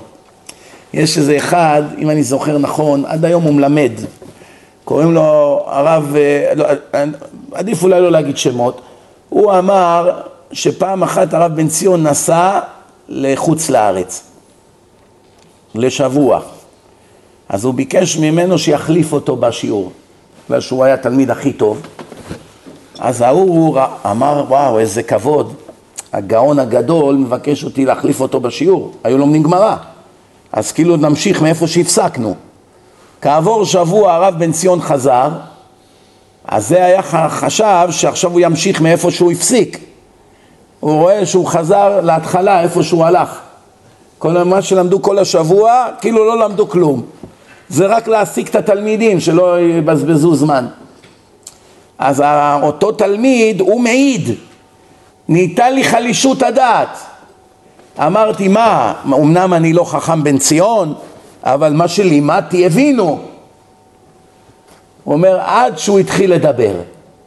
רק הוא עשה את השיעור הראשון, לא ידעתי איפה להתחבות. כל זה שהוא כבר היה תלמיד, משהו מצליח ביותר. הוא אומר, שמיים וארץ, הראש שלו איך שהוא היה, יש כאלה שהם כאלה, הבנתם? אבל הוא למשל ברח ממנהיגות, הציעו לו, הוא לא רצה, לא רצה להיות רבה, לא רצה להיות אדמו"ר, לא רצה. יש אנשים בנויים לזה, יש אנשים זה לא בשבילם. נחזור לעניין. נחזור לעניין. שאלנו שאלה בתחילת דברינו, מה נצרך למה? התורה נצרכת לתיקון המידות, שמירת המצוות נצרכת לת... לתיקון המידות, או תיקון המידות נצרך לשמירת המצוות. ואמרנו מסקנה, אין נפקא מינה, זה לא משנה. בכל מקרה חייבים ללמוד תורה, כי בלי ללמוד תורה לא מתקדמים. אי אפשר להתקדם בלי ללמוד תורה. הסברתי את זה היום אחר הצהריים. לא יעזור לך שום דבר, שום דבר לא יעזור לך. אם לא תלמד תורה, לעולם לא תהיה צדיק. איפה זה כתוב? איפה זה כתוב? אין עם הארץ חסיד. אתם ראיתם פעם אדם שהוא בור ועם הארץ שיש לו מדרגה של חסיד? הכוונה מתחסד עם קונו? מה זה חסיד? אני הולך עד הסוף בעבודת השם, עד הסוף. למשל, מה ההבדל בין צדיק לחסיד? צדיק הוא לא ילך, הצדיק הוא לא ילך לחתונה מעורבת. איך אני יכול ללכת לחתונה מעורבת? גברים ונשים רוקדים ככה במעורב, מבזים את השם. אני, אני צדיק, אני לא הולך לשם, אבל לחופה הוא כן הולך. אומר, אני רק הולך לחופה, אין מוזיקה, אני רק נגמרת החופה, אני בורח. והוא חושב, אני עושה את מה שצריך, הנה, אני לא הולך לריקודים מעורבים. חסיד גם בחופה לא ידרוך. למה? מה, זה עבירה לבוא לחופה? במדרגה, אם אתה חסיד, ודאי. למה? מי יכול להסביר לי למה? נכון, הוא עושה לפנים משורת הדין. אבל אני שואל אתכם עכשיו שאלה. חסיד אומר אסור ללכת לחופה בחתונה מעורבת. אומר, אומרים לו למה? עוד לא התחיל הריקודים, כולם יושבים. הנה הגברים יושבים פה, הנשים יושבים פה, באולם, יושבים, ורק עכשיו הרב מקדש. אבל זה עבירה ללכת לחופה? אז אני אומר, לחסיד כן. לא, ליהודי, לא משנה, חסיד. לאדם פשוט תלוי מהם הנסיבות. אם זה סתם איזה חבר רחוק, לא כדאי ללכת. אבל אם זה אח, וההורים ייפגעו, ויהיה במשפחה מחלוקת, אפילו לחופה. כן. אני אסביר לך תכף למה זה בעיה. מהי הבעיה? באותו יום שהזוג הזה מתחתן חתונה מעורבת, הם משמחים את הקדוש ברוך הוא או מצערים את הקדוש ברוך הוא? מצערים מאוד את הקדוש ברוך הוא כי אלוקים שונא זימה, ככה כתוב. ערבוביה של גברים ונשים גורמות לקדוש ברוך הוא צער גדול מאוד, מאוד מאוד. מי משלם על כל זה שגברים ונשים מתערבבים ברחבת הריקודים? החתן והכלה. הם הביאו את כולם לשם. זאת אומרת ביום הראשון של החיים שלהם שהנשמות שלהם מתחברות כבר התחילו עם אלפי עבירות עוד לא התחילו כבר נכנס להם לתיק אלפים של עבירות כל אדם שיסתכל על מישהי שלבושה לא צנוע בחתונה נכנס להם לתיק כל אדם שרקד עם איזה בחורה שהמוזיקה של גויים נכנס להם לתיק אז השאלה עכשיו, למה החופה? זה הבנו, רחבת הריקודים. אבל החופה היא נעשית בכשרות, לא מביאים רב אורתודוקסי, יש כתובה, מסדר קידושין, יושבים הגברים פה, הנשים פה, כן? אז נגמרת, עושים שבע ברכות, גומרים, הוא הולך. מה הבעיה? יש מדרגה יותר גבוהה, מה שנקרא ראש גדול, אל תהיה ראש קטן. כיוון שהקדוש ברוך הוא מאוד מאוד מצטער באותו, באותו ערב, שומעים? כיוון שהקדוש ברוך הוא מצטער מאוד באותו ערב, נמצא שכל האירוע הזה מצער את השם. יש שם חילול השם, הולך להיות שם חילול השם גדול מאוד. איך אני יכול להיראות במקום כזה שמצערים שם את השם ועושים חילול השם? אם אני אוהב את השם, אני יכול ללכת למקום כזה שגורם כזה חילול השם? אפילו שאני סגרתי את העיניים. נגיד עכשיו אדם בא, אומר אין בעיה, אני בא לחתונה אחי, תהיה רגוע. אבא תירגע, אני בא לחתונה. הוא נכנס לחתונה עם משקפיים של סטיבי וונדר. מכירים את המשקפיים האלה או לא? שחורות, של העיוורים. לא רואים כלום, סתם פלסטיק שחור. הוא בא עם המשקפיים האלה, הוא באמת לא רואה, הוא הביא עכשיו איזה אחד שיחזיק לו את היד, תראה לי איפה ללכת, ימינה, שמאלה, התיישב שם בחתונה, שלוש שעות, אנשים, גברים, נשים, הוא לא רואה כלום, שום דבר, או ששם ספרי בעיניים, לארבע שעות הוא, לא רואה, הוא רואה רק לבן, לא רואה כלום, עבר עבירה או לא?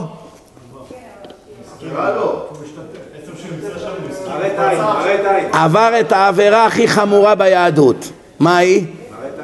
חילול השם, מראית עין, חילול השם. יושב במקום שזה מושב לצים. מה זה מושב לצים? כל הדברים שאסור לעשות. עבר על הסתכלות אסורה לו, הוא לא ראה שום אישה, הוא שם ספרי בעיניים, או שהוריד את המשקפי ראייה שלו, הוא לא רואה כלום, הוא הולך שם, הוא לא רואה, הוא רואה סתם, הוא רואה קווים, הוא לא רואה בני אדם. זה השלב בדרך כלל שאנשים מתעצבנות, אז מתחיל הרעש. אדם ש... הרב?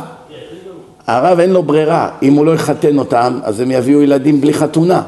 אז הרב בא עושה את החופה ובורח, זה כן אבל אני אומר לך שיש הרבה רבנים שלא יסכימו גם בעד מיליון דולר לעשות חופה כזאת. אנשים לא לבושים, האימא של הכלה חצי ערומה, הכלה לגמרי ערומה.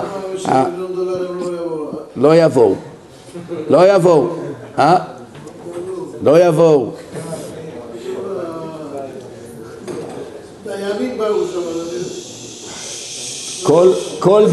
כל בן אדם והאמונה שלו מי שמאמין חזק בהשם ושומר על עצמו לא יבוא למקום כזה ומי שהאמונה שלו רופפת מי אמר, כל אחד שנהיה רב תלמיד חכם זה אומר שיש לו אמונה ברמה גבוהה? מה כל אחד הוא החזון איש? חזון איש היה לו כלל בחיים, הוא לעולם לא משתדל יותר מפעמיים כל דבר שהוא עשה בחיים, שני ניסיונות וזהו למשל, שידוך דוגמה. אם היה עכשיו צריך ללכת לשידוך למצוא כלה, הוא ניסה לעשות שידוך, לא הצליח. ניסה עוד פעם אחרי כמה ימים, לא הצליח, הוא לא מנסה יותר עם האישה הזאת, זהו. זה דוגמה אחת. הוא ניסה לעשות ביזנס. הוא רצה שאיזה מישהו יבוא וישקיע בעסק שלו, דוגמה.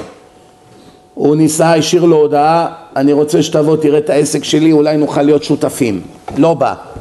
כעבור שבוע השאיר לו עוד הודעה, לא בא. הוא לעולם לא יתקשר אליו פעם שלישית. זהו. זה טוב או לא טוב? מה אתה אומר? טוב מאוד. אז אני אגיד לך, יבוא רב אחר, יגיד לו החזון איש אתה פראייר, הנה תלמד ממני. אני לא מתייאש, אני עקבי. אמר לי לא, עוד פעם התקשרתי, אמר לי לא, עוד פעם התקשרתי, אמרתי לא, תשע פעמים אמר לי לא. פעם עשירית השקיע אצלי מיליון דולר, התעשרתי. אז למה אתה, אני יותר חכם ממך. אבל הנה, בסוף מי, מי קיבל את הכסף? הוא קיבל את הכסף, הוא בא לצחוק עליו עכשיו. אומר לו, יא פראייר, היית משתדל עם הבן אדם הזה עוד כמה פעמים, הוא היה משקיע אצלך. הנה, לא השקיע אצלך, אני נדנדתי לו, השקיע אצלי. אם אתה היית מנדנד לו, הוא היה משקיע אצלך, לא היה משקיע אצלי. נכון? ככה זה נראה, לא? מה אתם אומרים, הוא צודק או לא? התשובה, התשובה, שניהם צודקים. איך יכול להיות שניהם צודקים? פשוט מאוד תלוי מי האדם.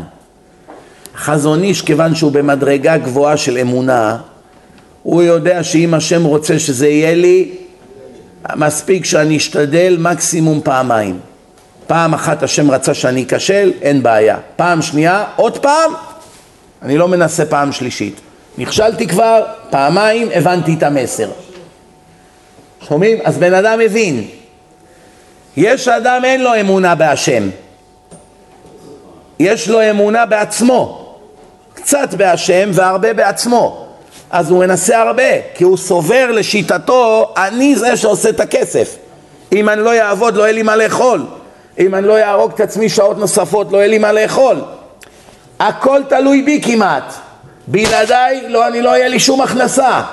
כוחי ועוצם ידי עשה לי את החיל הזה, כמו שכתוב בתורה. אז הוא, בגלל שניסה עשר פעמים, השם נתן לו את זה בפעם העשירית. אצל החזון איש, הקדוש ברוך הוא מכיר אותו. הוא יודע כבר שאם הוא רוצה לתת משהו לחזון איש, כי השם רוצה שיהיה לו את זה, הקדוש ברוך הוא יודע שהוא מוגבל, הוא יכול לתת לו את זה מקסימום בפעם השנייה, לא יותר. כי לא תהיה פעם שלישית. הבנתם? עכשיו, אם השם היה רוצה שהחזון איש יקבל את ההשקעה, מקסימום פעם שנייה הוא היה מקבל את ההשקעה. כי ככה, כי השם יודע, הוא לא ינסה פעם שלישית. אם הוא לא רוצה שהוא יקבל את ההשקעה, את ההשקעה לא צריך לנסות, כי השם כבר בפעם השנייה אמר לו, אני לא רוצה שיהיה לך את זה, נגמר הסיפור. ההוא, כיוון שהוא בוטח בעצמו, וכמעט בקושי בהשם, אז השם יודע שהוא בשיטתו, הוא דוחף, בולדוזר, מנסה, מטלפן, מנדנד, רץ, הורג את עצמו. אז השם רוצה שיהיה לו את ההשקעה. הוא גזר לו בראש השנה שהוא יקבל כסף. אבל השם לא ייתן לו את זה פעם ראשונה או שנייה, כמו אצל החזון איש. הוא ייתן לו להזיע שבועיים, כמו עבד מסכן, ובסוף הוא ייתן לו את מה שהוא רצה לתת לו כבר בפעם הראשונה. למה הוא לא נותן לו את זה בפעם הראשונה? כי לא מגיע לו. בגלל שאתה חושב שאתה עושה, אני אתן לך באמת לעבוד כמו עבד. הבנתם? אבל השני שחושב שהכל מאת השם, אז הוא לא ישתדל יותר מדי. אני עושה קצת השתדלות ועוזב. לא רוצה יותר. לא רוצה יותר. מובן מה מדובר כאן? יש פעם איזה אחד, הוא אמר לי, אני רוצה להשתתף במימון דיסקים. במימון דיסקים. אמרתי לו, תבוא עליך הברכה, מצוין, הרבה יחזרו בתשובה, תרוויח מזה. לא נתן את הכסף. כעבור כמה זמן התחרט, אמר אני עכשיו רוצה לעשות תשובה, רוצה לתת את הכסף. אמרתי לו שוב, תבוא עליך הברכה, לא נתן את הכסף, גם פעם שנייה. כנראה כל פעם העצר רק קופץ עליו למחרת.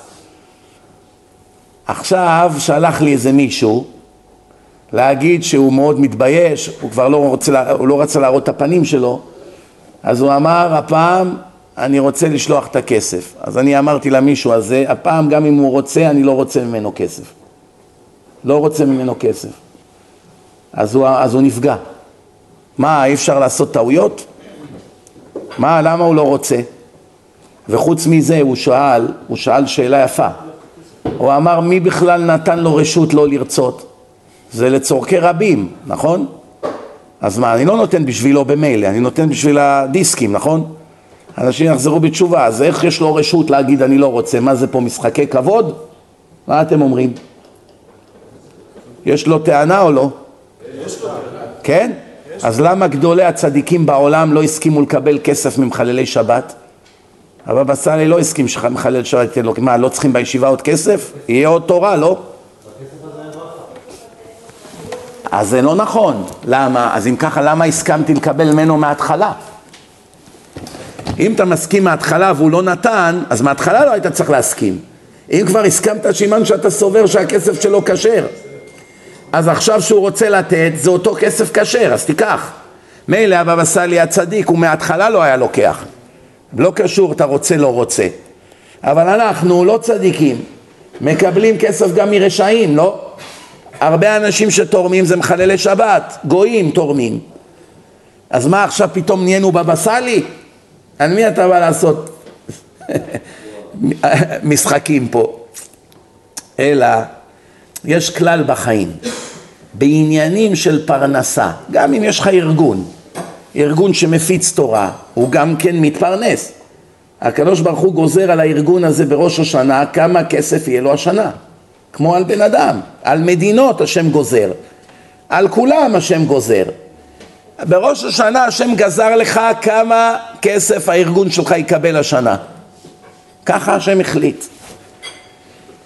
שבא בן אדם ואומר אני אתן ועושה נדר ולא מקיים את הנדר. פעם ראשונה לא נותן, פעם שנייה גם לא נתן. אתה אומר לו לא רוצה ממך יותר. מה קורה? אתה מראה להשם שאתה בוטח בו, אני לא צריך אותו, הפרנסה באה ממך. מה השם עושה? מביא שליח אחר, הרבה שלוחים למקום. אבל זה אך ורק אם אתה בטוח ומאמין שהשם ישלח לך מישהו אחר במקומו. כי ככה זה עובד, ככה התורה לימדה אותנו. השם נותן לבן אדם הזדמנות, הוא לא לוקח אותה, הוא נותן אותה לחברו. ככה זה.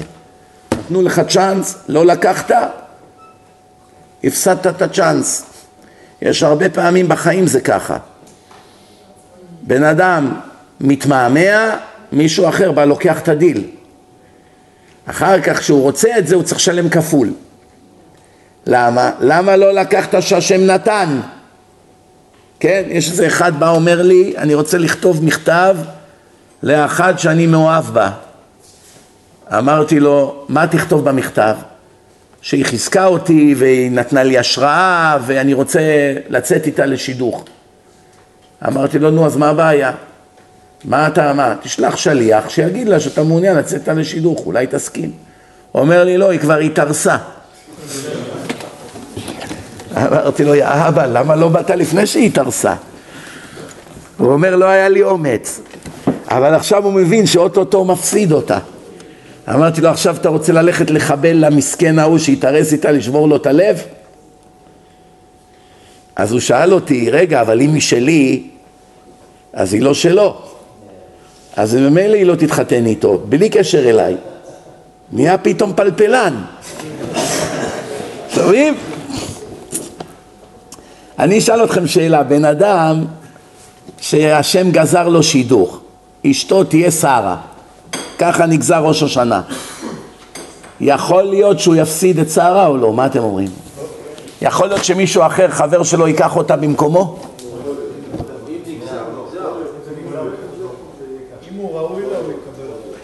בזמן שהוא היה ראש השנה, סימן שהוא היה ראוי לה, השם גזר לו את... או... יכול להיות שיהודי אחר ירוויח... יכול להיות שיהודי אחר ירוויח אותה בתפילה. איפה זה כתוב? מארסים נשים בחול המועד, שמא יקדימנו אחר ברחמין. רחמין זה צלוטין, תפילה. זאת אומרת מציאות, אם עכשיו יש לך בחורה טובה ואתה מושך, יש סכנה גדולה מאוד, סליחה, דרכתי לו על איזה יבלת נראה לי, אבל זה לא עובד ככה, רבותיי שימו לב טוב, אם יש לך אישה והיא שלך ואתה, איך אומרים, מזלזל, לא, לא, לא רץ, לא ממהר, דבר טוב צריך לחטוף, אתה מתמהמה, פתאום הציעו לה מישהו אחר ואז היא אומרת, איך בכלל ראי, רציתי את הבן אדם הזה בכלל? תראה את זה, איזה הבדלים. בן תורה, נראה יותר טוב, משפחה יותר טובה. אז אומרים לה, איך הסכמת ללכת עם ההוא? ועוד הוא התעלל בך. יש איזה אחת, התגרשה. בעלה גירש אותה. עכשיו, איך שהוא, שהוא היה נשוי לה, היה מתעלל בה בלי סוף.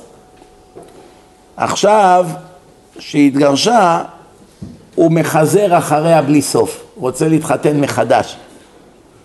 אבל היה נשוי לתקופה ארוכה, מתעלל בה כמו בכלב, כאילו שהיא כלב שלו. פתאום התגרשו, עכשיו הוא מתחנן אליה להתחתן מחדש.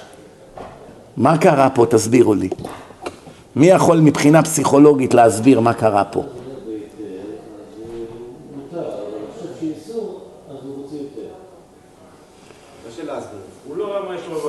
קודם כל הוא אומר דבר שהוא נכון, מוטי. דבר שהוא בהיתר, אין לאדם תאווה אליו. דבר שהוא באיסור, יש לאדם תאווה גדולה אליו. מים גנובים ימתקו. אבל אני לא אמרתי שהבן אדם הזה רוצה לקיים איתה יחסים עכשיו. זה הייתי מבין. שהיא הייתה מותרת לו, הוא זלזל בה. עכשיו שהיא אסורה עליו, הוא צריך להתחתן איתה מחדש, אז הוא רוצה לקיים איתה יחסים. אז זה אני מבין, שזה יצר הרע. הוא רוצה להתחתן מחדש, כדי שתהיה מותרת לו שוב. אז איך את זה נסביר? איך אפשר להסביר? תראה, אם הוא היה גרוש עשר שנים, אז אתה צודק. הוא ניסה, ניסה, ניסה, ראה שבחיים אף בחורה לא תהיה כמותה, אז הוא הבין. אבל זה צ'יק צ'אק, אחרי הוא כבר רצה מיד עוד פעם להתחתן. התשובה היא רבותיי, אדם לא מעריך מה שיש לו עד שהוא מאבד אותו. אדם לא מעריך מה שיש לו עד שכבר אין לו. שומעים? יש איזה אחד, היה לו בן, נהרג מסכן, מת. כשהילד היה חי, הוא רק התלונן עליו. איזה נבלה, איזה ילד, איזה... אור- אכל לי את החיים, אכל לי את הלב, פתאום נפטר הילד, עכשיו הוא מעורר מהומות. איך הלך לי המלאך, איך, איך, זה היה לי כזה צדיק. הוא שכח מה הוא היה אומר. אלא מה? כנראה שהילד לא היה מושלם, היה איתו בעיות. אבל עכשיו שאין לו אותו בכלל, אז הוא אומר תחזיר אותו עם הבעיות כפול, שתיים, העיקר תחזיר אותו. מובן? אותו דבר עם נשים, אותו דבר עם גברים. יש גם נשים שגירשו את הבעלים שלהם, לא רוצה אותך, ואחרי שנתן לה את הגט, פתאום היא נשארה לבד, שנה, שנתיים, שלוש, כבר לא רצים אחריה עם כמה ילדים לשידוכים, ופתאום היא אומרת, עשיתי טעות, בעלי לא היה בן אדם כזה רע, אז למה התגרשת ממנו? הוא לא נתן לי מספיק אהבה. אז למה את רוצה לחזור אליו? כי עכשיו אין לי בכלל אהבה. שלוש שנים, בין ארבע קירות, מסתכלת על הקירות כל היום. הוא לפחות היה נותן פעם בשבוע. עכשיו מה יש? הבנתם מה הנקודה? יש שאלות רבותיי, על כל מה שדיברנו, כי אנחנו לקראת סיום. יש עוד שאלות? מאה אחוז ברור.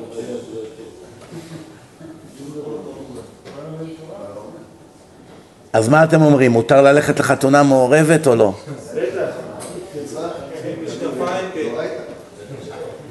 התשובה, חילול השם אין עליו מחילה רבותיי.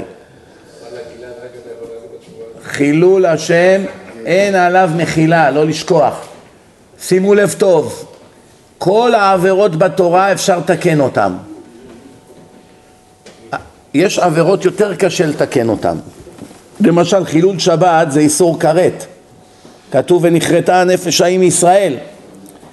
אדם שהפסיק לחלל שבת, הוא שומר שבת, הוא מתחרט על החילולי שבת, הוא מתחרט על החילולי שבת, הוא מתבייש בחילולי שבת, ועכשיו הוא שומר שבת. אדם כזה, אדם כזה, התח... התחפר לו על החילולי שבת שלו? לא. צריך שיעבור יום כיפור. נו, אז עברו כמה ימי כיפור כבר, הוא כבר כמה שנים שומר שבת. התחפר לו העוונות של החילולי שבת? לא. לא התחפר עדיין. מתי התחפר? תקראו ברמב"ם, הלכות תשובה. מתי התחפר? רק אחרי שהוא יקבל ייסורים. הוא חייב לקבל סבל בחיים כדי למחוק ממנו את האיסורי כרת. איזה סבל? סבר צרות עם הגירוש, בגירושין, צרות עם הילדים, צרות עם מס הכנסה, צרות עם השכנים, צרות עם המילואים, צרות עם השותף, חס, חסר צרות בחייך, מחלות, בעיות, כאבי שיניים.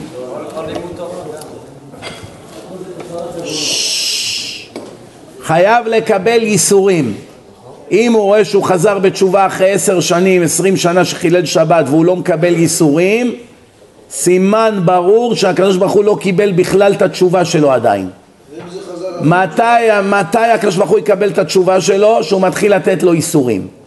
אבל זה מדובר באדם רגיל. אם זה אדם שנהיה בן תורה, כל היום עמל בתורה, כל היום עשר, חמש עשרה, עשרים שעות ביום הוא בספרים, בגמרות, כל היום הראש שלו מתפוצץ בלימוד. אדם כזה לא צריך לקבל איסורים. למה? הוא כבר עמל הוא כבר שובר את עצמו, איך, איך, החז, איך החזון איש כותב, בהיותי שבור ורצוץ כל הימים. אתם יודעים מה זה שבור ורצוץ? שבור זה אחד ששברו אותו לשתיים. זהו, הוא כבר לא יכול לעמוד ישר. ש... מרוב המאמץ הפיזי שברו אותו כמו ששוברים מקל ככה לשני חתיכות. רצוץ זה קדשו אותך, עשו ממך אבקה. זה החזון איש אומר, מרוב שהוא היה הורג את עצמו בלימוד, בקושי אוכל, היה רזה מאוד, ולא היה נהנה מהעולם הזה בכלום. פעם אחת של, של, שלושה ימים הוא ישב על סוגיה רצוף, הוא לא קם שלושה ימים. שומעים? מרוב העמל לתורה שלו, מה שייך לשלוח לאחד כזה איסורים? רגע, מה, מה שייך לשלוח לאחד כזה איסורים? הוא כל היום עמל בתורה. זה כבר מתקן לו את כל האיסורי כרת שבן אדם עשה בחיים שלו. שומעים? אבל חילול השם, אפילו יום כיפור לא מכפר, אפילו ייסורים לא מכפר. קיבל סרטן, שנתיים קימו, נשרו לו השערות, כל מקום הוא הולך ככה, בושות, לא כיפר לו על החילול השם. נפטרו לו ילדים, לא עלינו, לא מכפר לו על החילול השם. מתי זה נגמר? רק ביום המוות. עד שהוא לא ימות על החילול השם לא יתכפר לו. אתם אומרים לי מותר ללכת לחתונה מעורבת?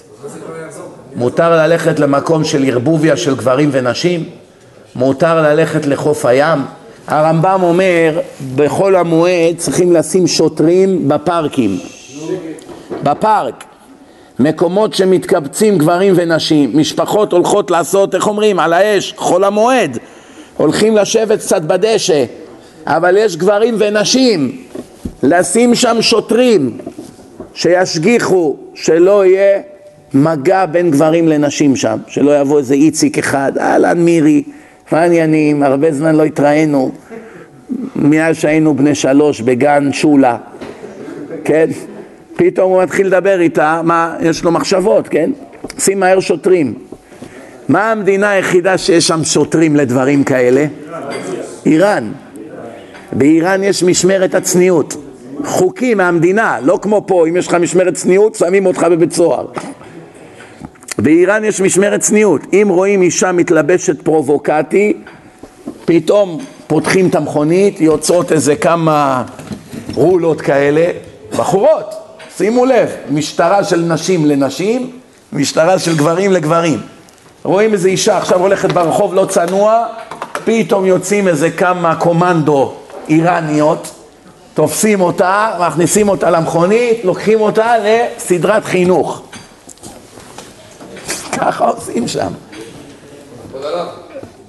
אז מה אתם אומרים, זה כן, זה טוב או לא טוב? מה אתם אומרים, זה טוב או לא טוב? אתם מסכימים שיהיה ככה בארץ? אבל החילונים יברחו מהארץ. החילונים לא ירצו, השמאלנים ישתגעו, מה? מה זה פה איראן? גם ככה הם לא מפסיקים לצחוק על הדת יום ולילה. הרב אומר איזה משהו על צניעות, ישר הם עושים מזה צחוק. תאר לך שעכשיו יכפו עליהם להתלבש צנוע, כן? רבותיי, האדם עצמו הוא לא רע. גם החילוני שמדבר נגד הדת הוא בתוכו לא רע, כי השם ברא את האדם ישר. אלא מה? מרוב שהוא שקוע בתאוות של העולם הזה, והוא לא לומד תורה, ועדיין הוא לא תיקן את מידת הגאווה שלו, שהיא מפוצצת, ממילא כל הפעולות שלו הן נגד השם ונגד הדת. אבל מה? אם תבוא לאותו חילוני, תגיד לו אני משלם לך מיליון דולר, תשב שנה בישיבה. מיליון דולר, משכורת. הוא לא ירוויח את זה בארבעים שנה בארץ, כן? שב שנה בישיבת אור החיים של הרב אלבז או בנתיבות עולם של הרב ברוק או כל הישיבות האלה של הבעלי תשובה שיש בארץ שנה תלמד מהבוקר עד הלילה אני משלם לך מיליון דולר הוא ודאי יסכים לא? בשביל מיליון דולר הוא יסכים הוא יגיד אין ברירה אני אשב יסבול עשר שעות ביום ייגמר השנה יש כאלה גם לכלא יסכימו להיכנס לשנה בשביל מיליון דולר אתם יודעים כמה עבריינים יושבים בכלא בשביל עבריינים אחרים בשביל כסף? תיקח על עצמך את האשמה, אני נותן לך שלושה מיליון דולר. הוא אומר, אני, אני שדדתי, זה אני הייתי, זה לא הוא היה. אני זה שיריתי. ואיך תוכיח עכשיו? הוא מודה, אין עדים. יודעים שזה אחד משניהם, הם יצאו משם, רואים אותם במצלמה, בורחים. הוא אומר, אני זה שיריתי. שלוש מיליון נותן לו, מעביר לו מראש את הכסף, או לאשתו וזה, אתה מסודר, הוא יושב לו בכלא שנתיים שלוש בשביל הכסף. איפה הוא ירוויח שלושה מיליון דולר? עכשיו העבריין הזה מגלגל מיליונים, לא שווה לו להיות בכלא של, שלוש שנים. בשבילו זה שווה חמישים מיליון. שווה לו לתת לזה על שניים שלוש מיליון, שישב במקומו. וההוא מה זה מבסוט? כל יום בכלא הוא שורק, מבסוט. מה אתה איציק? מה אתה מטומטם? הכניסו אותך לכלא עם הפושעים. טוב, אבל אני מצבי לא כמותכם. אתכם בכלא לנצח, גם שתצאו מפה תהיו בכלא. אני מסודר, שלושה מיליון מחכים לי. כמה פושעים תפסו אותם, אמרו להם אתה עומד לקבל עשר שנים מאסר, אלא אם כן תחזיר את הכסף של השוד. גנב עשרה מיליון דולר. מוחבא באיזשהו מקום, חפר בור באדמה, החביא את זה. אם תחזיר, נוריד לך לשנתיים. שנתיים מאסר, עסקת טיעון. בתנאי שתחזיר. מה הוא אומר? לא מסכים. תושיבו אותי עשר שנים. עשר שנים, אחר כך יורידו לו שליש על התנהגות טובה, עושה חשבון, שש ומשהו שנים, עשר מיליון דולר, איפה אני ארוויח את זה בשש שנים? בכלא הוא משחק קצת שש בש, קצת רואה כדורגל, יאללה ביתר, בסדר, אז הוא קם בשש בבוקר, big deal, לא סוף העולם, שווה בשביל עשרה מיליון, לא? אם היו אומרים לו, אם לא תחזיר את הכסף חמישים שנה בסוהר, אבל אם תחזיר תקבל רק שנתיים, מבטיח לכם שהוא היה מחזיר. אולי רוצה למות בכלא. אבל הוא עושה חשבון, מה ההבדל? עוד שנתיים שלוש, שווה לי, בשביל כמה מיליונים. מובן? בואו נסכם את הדברים. חילול השם, שום דבר לא מכפר עליו. אלא אם כן, אלא אם כן, בן אדם מת, או עושה המון קידוש השם מהרגע שהוא חזר בתשובה. מקדש שם שמיים ברבים, מארגן הרצאות, עוזר למסכנים, מפיץ תורה, מחלק דיסקים, מחזיר אנשים בתשובה, עושה דברים, העם אוהב אותו, אני יודע מה, ראיתם את החילוני הזה שעשה קידוש השם לפני חודש בארץ? ראיתם את הסרטון הזה או לא? איזה חילוני אחד הולך ברחוב, הוא בעצמו תפרן. הולך ברחוב, פתאום הוא רואה איזה אישה אחת, היא יושבת ברחוב על המדרכה עם כל מיני צעצועים, קופסאות, מזרון. אומר לה, מה זה, למה את ככה ברחוב? היא אומרת לו, הבעל הבית של הדירה זרק אותי מהדירה. למה? לא שילמתי לו רנט, לא שילמתי לו שכר דירה החודש. כמה השכר דירה? שלושת אלפים שקלים. אומר לה, שזה הוא זרק אותך? כן, הוא נתן לי אזהרה, לא היה לי את הכסף, זרק אותי. עוד מעט הילד שלי יחזור מהבית ספר, הוא יראה ככה את הדברים שלו ברחוב, איזה בושות. עכשיו, החיל... עכשיו היו הרבה חילונים, הם הלכו, לא, לא התייחסו אליה, אבל הוא עצר, החילוני הזה עצר. אמר לה, רגע, רגע, מה, ואם נארגן לך את הכסף הוא ייתן לך להיכנס? כן, אבל אין לי את הכסף. תתקשרי, תתקשרי אליו, אני אתן לו היום 1,500 שקלים ואני אארגן את שאר הכסף תוך כמה ימים. תתקשרי אליו. לא, אדוני, אני לא יכולה לקחת ממך, היא אמרה. אנחנו לא מכירים ואין לי בדיוק להחזיר לך כרגע. בסדר, אל תדאגי, שיהיה לך תחזירי. זה לא מה שחשוב עכשיו. נו, אני לא יכול לראות אותך ככה ברחוב, עוד מעט הילד יבוא מהר, מהר לפני שהילד יבוא מהבית ספר. אז היא התקשרה לבן אדם. עכשיו, כל זה משחק. כל זה הצגה, זה שחקנית. והם יושבים עם מצלמה נסתרת וצופים בהכל שם עכשיו. מקליטים את הכל. הוא לא יודע שזה משחק. ואז מתקשרים כאילו לבוס, ואז עונה המפיק של התוכנית, הוא יושב בניידת, כן, מה הבעיה? איך אתה זורק את האישה הזאת מהבית? אני, מה הבעיה? הכסף? אני היום מארגן לך את הכסף. לא אדוני, עד שהיא לא משלמת את כל הסכום, היא לא יכולה לחזור לדירה. אני החלפתי שם את המנעול. אז הוא אומר לו, טוב, אני עכשיו אתן לך 1,500 שקל עכשיו, תבוא עכשיו, תקבל עכשיו במקום, ואני אתן לך עד סוף השבוע את שאר הכסף. לא, אדוני, אני רוצה את כל הכסף. מראש, אין בעיה, עכשיו תקבל את כל הכסף, עוד היום, עוד היום תקבל את הכסף. לא, אדוני, אני רוצה את כל הכסף במכה. אין בעיה, אפילו שאין לי, אני עכשיו נותן לך את הכסף, תבוא עכשיו. תבוא תוך רבע שעה, אני נותן לך את הכסף. פתאום הגיע הבן אדם, עכשיו הוא לא הכיר אותו, הוא, הוא חושב שזה הבעל הבית של הדירה, שלום וזה, הוא כבר בא לתת לו את הכסף. אומר לו, תשמע, יצאת צדיק, בוא תחייך למצלמה, כל הכבוד לך וזה, וכל העולם ראה את זה, כמעט אין אחד בארץ שלא ראה את זה, העבירו את זה בכל הוואטסאפים, בפייסבוקים, העבירו את זה בשידור חוזר, כל הארץ במשך שבוע, שבועיים דיברו על, החילו, על, החיל, על הקידוש השם שהוא עשה החילוני הזה. זה למשל, אחד כזה, אם הוא היה בעל תשובה, אם הוא היה שומר מצוות, מעשה כזה היה מספיק כדי לכפר לו על החילולי השם שהוא עשה בחיים. הבעיה של המסכן הזה שהוא מחלל שבת, אין לו חלק לעולם הבא. כל המעשה הנחמד הזה, השם ישלם לו בעולם הזה ובזה זה ייגמר. כי אין לו עולם הבא, כי מחלל שבת הרי הוא כגוי לכל דבר, זהו, זה לא יעזור לך שום דבר, אם אתה מחלל שבת, הנשמה שלך נחרטת מהעולם הבא. אתה נוסע במכונית, אתה יכול לשכוח מעולם הבא. אתה מדליק חשמל, משחק בטלוויזיה, בשלט, אתה תופר בשבת, אתה כותב בשבת, אתה מבשל בשבת, אתה אופה בשבת, אתה עושה כביסה בשבת, הלך לך העולם הבא חביבי, אפילו שאתה בן אדם טוב. אפילו שאתה מלאך כמו החילוני הזה, שרוב הדתיים גם כן לא היו נותנים לה שלושת אלפים שקל, זה ברור לי. אולי יש כאלה שהיו במקום נותנים לה, כי אי אפשר להתעלם, לא תעמוד על דם רעך. אבל הוא אמר, הוא, בתוך כדי שהוא דיבר, התברר שהוא בעצמו תפרן. הוא בעצמו אין לו כסף. אני נותן, אני נותן לזה שאין לי, הוא אמר לו. ואפילו שאין לי, אני נותן כסף פה שאין לי, זאת אומרת, אני צריך את הכסף הזה למשהו אחר. אבל הוא לא יכול היה שיבוא ילד מבית הספר ויראה שהצעצועים והדברים שלו עומדים ברחוב ואין לו דירה. הוא לא יכול היה להמשיך ללכת. אחד כזה, ברור לי שאם אני נפגש איתו לשעה, מיד הוא חוזר בתשובה. זה אין בכלל שאלה למה המצפון שלו עובד חזק. ככל שהמצפון של האדם עובד חזק, הוא חוזר בתשובה יותר מהר. למה? שני דברים זה ערובה להצלחה בלהחזיר אדם בתשובה.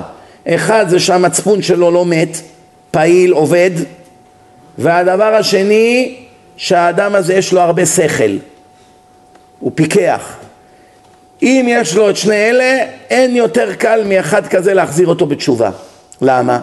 קודם כל כשהוא רואה את, התורה הוא מיד מבין שהאדם לא יכול היה לכתוב את זה זה רק זה שברא את העולם יכול היה לתת את התורה. רואים שיש שם חוכמה שהיא אלוקית. בני אדם לא יכולים היו לכתוב את זה. אז כבר הוא מבין התורה זה לא מבן אדם אלא מזה שברא אותי. אז הוא מבין את ההשלכות. זה לא עכשיו איזה רב נתן לי ספר המלצות. זה בורא עולם. ודבר שני ברגע שהוא קורא בתורה כמה הוא כפוי טובה. שהשם נתן לו הכל והבית שלו מהשם ואשתו מהשם והילדים שלו מהשם ונתן לו כספים ונתן לו עסק ובריאות. והוא לוקח את כל מה שהשם נתן לו ומשתמש בזה נגד השם כל רגע בחייו הוא לא יכול יותר להסתכל על עצמו במראה. זה הורג אותו. הורג אותו. אז איך יודעים מי המצפון שלו עדיין עובד? רואים איך אנשים מגיבים לעוולות רואים שעושים עלילה על מישהו או שפוגעים במישהו או שמעליבים בן אדם הוא הראש, הראשון שקם. היי היי למה אתם עושים ככה? זה לא מוסר של החיים? לא זה מראה שהמצפון שלו עובד. הוא לא יכול להתעלם מהמצב הזה. אני פעם נסעתי לאיזה, לאיזה learning program. אמרו לי תבוא לומדים כאן עם בחורים צעירים נותנים להם מסעדה סעודה מהמסעדה הם באים. הוא אומר אני מביא היום איזה חילוני אחד אני רוצה שתשב ותדבר איתו אישית. זה שמארגן אמר לי. אמרתי טוב באופן חד פעמי אני אלך ל-learning program. אני אדבר עם החילוני הזה.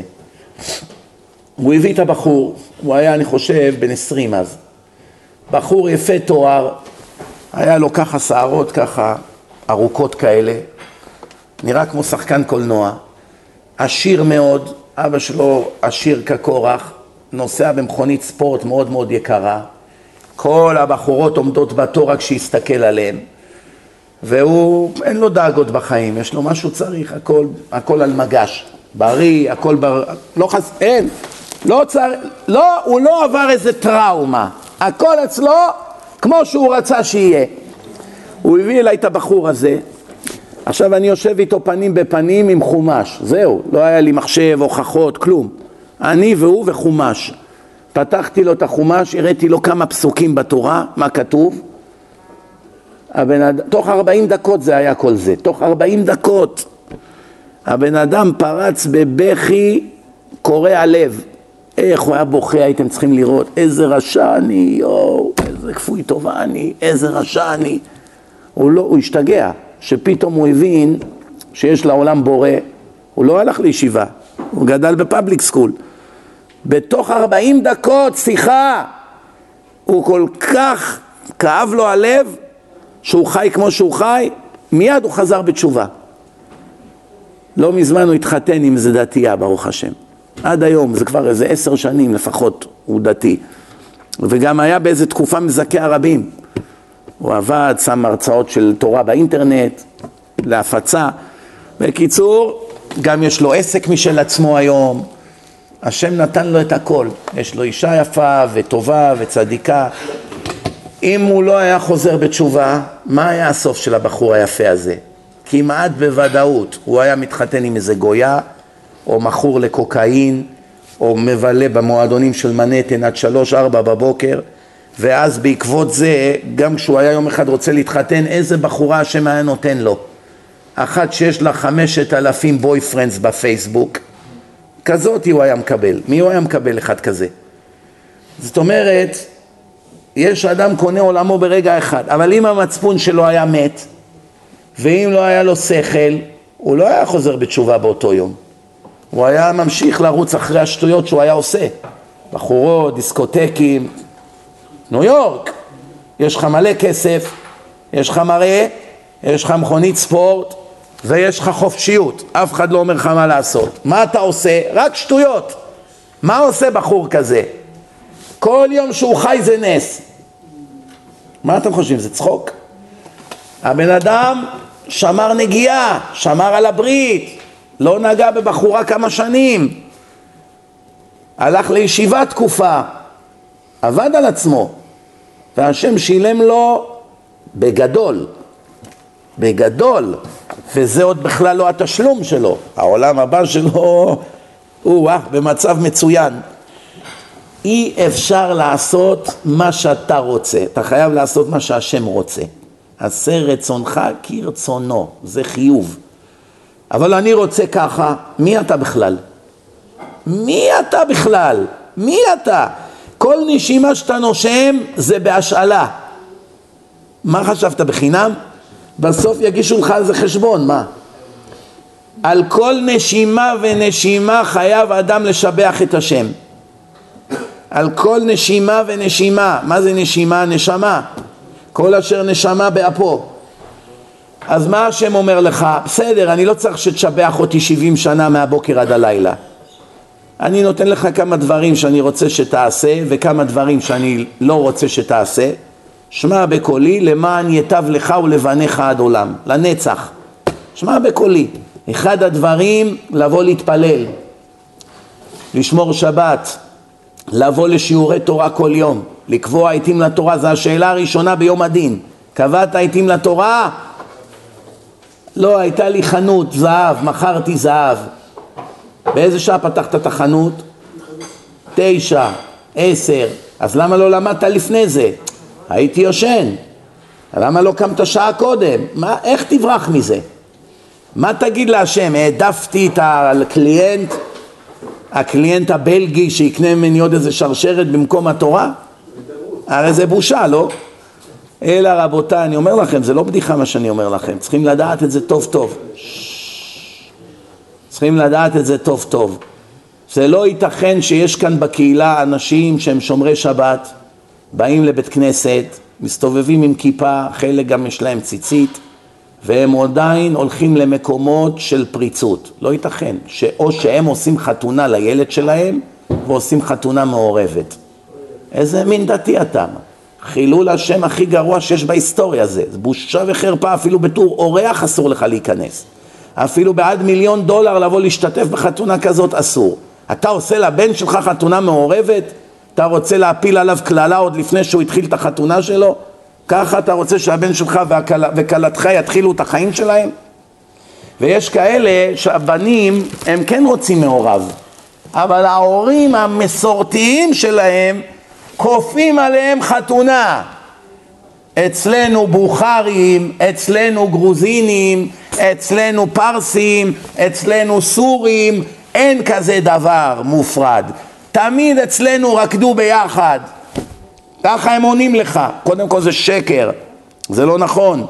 במרוקאים היה אלפי רבנים צדיקים, צדיקי יסוד עולם. לא היו מעולם מסכימים להיכנס בחתונה מעורבת. זה א'. אלה שעשו את המעורבים זה החילונים, אלה שנהיו גויים. אלה עשו מעורב, כן? אצל הסורים הרציניים, הבני תורה, הם יעשו חתונה מעורבת? מה אתה מבלבל את המוח? הם לא הולכים לדרוך בחתונה מעורבת הם בעצמם, של האחים שלהם, של הבני דודים שלהם. במקרה הכי גרוע הם יבואו לחופה, אז הם יעשו חתונה מעורבת? ודאי שלא. אותו דבר הפרסים ואותו דבר הגרוזינים הרציניים. כן, הנה הרב איתן בגדדי, הוא גרוזיני. הוא יעשה חתונה מעורבת, הוא יעדיף להישאר רווק כל החיים שלו, ולחיים לא לעשות חתונה מעורבת. אפילו יגידו לו חס ושלום, מיליון פעמים חס ושלום, זה או שאתה מתחתן חתונה מעורבת, או שאתה לא מתחתן. הוא יגיד, אני אסבול כל החיים ולא יעשה מעורב. למה? אני אלך נגד השם לטובתי? אין כזה דבר. יש עוד הרבה, מה, חסרים? יש הרבה, ברוך השם. יש כמה תלמידי חכמים גרוזינים רציניים בארץ, תדעו לכם. יש כמה רציניים.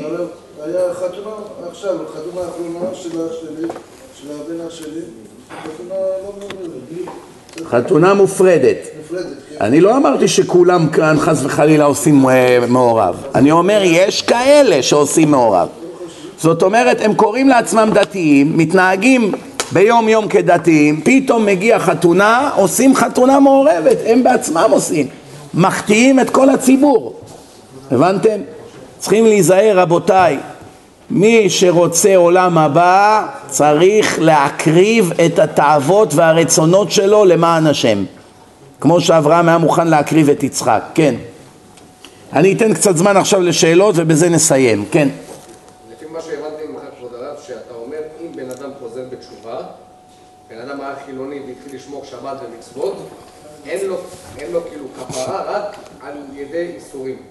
מי שעשה איסורי כרת. יש עבירות בתורה שלא... יחיד אחד שחילל שבת. כן, חילול שבת זה נכרתה הנפש ההיא מישראל. בתשובה, חייב לקבל איסורים. רק בייסורים והוא גם ימות בייסורים. לא, לא אמרתי שימות בייסורים. אמרתי שהוא חייב לקבל כמות מסוימת של איסורים. אה, הוא יכול גם אחר כך שה- שהייסורים ילכו. בטח, זה יכול להיות רק חודש איסורים. יכול להיות שנה, תלוי כמה חילולי שבת גם. תלוי גם מה הוא ידע, מה הוא לא ידע, זה תלוי בהרבה דברים. אבל האיסורים נגמרים בסוף, ודאי. מסופר על שום הגמרא כאילו שהיה רשע גמור וזה, ואז פתאום ביום האחרון של החיים שלו אמר שהוא חזר בתשובה וכאילו נמחא לו הכל. אני אסביר לך מי זה. רבי אלעזר בן דורדיה.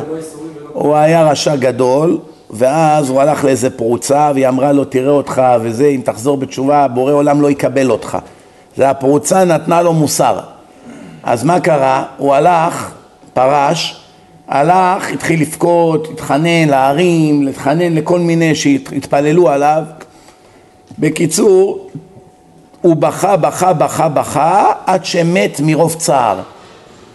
בגלל זה הקדוש ברוך הוא מחל לו את כל העבירות שלו.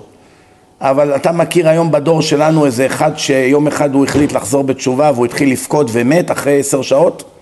בכה עשר שעות רצוף ומת מלב שבור? למה אתה בוכה איציק? אה, דופק את הראש בקיר, הורג את עצמו. איציק, מה קרה? פתאום הבנתי מה זה חילול שבת, אה, בוכה בוכה עד שנופל ומת. אתה מכיר מישהו כזה? תאמין לי שאם יש מישהו כזה בדור הזה, הכל יימחל לו, זה אני מבטיח לך. אבל בוא תמצא לי את הבן אדם הזה. חוץ מזה גם, תשמע טוב, לפעמים יש, יש דברים שהם רק משלים.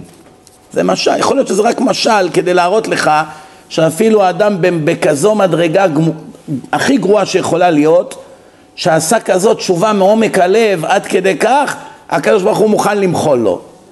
הבנת? חוץ מזה, תראה, אני אסביר לך משהו. יש כזה מצב שהתורה קוראת לך בעל תשובה, אבל אתה לא בעל תשובה גמור.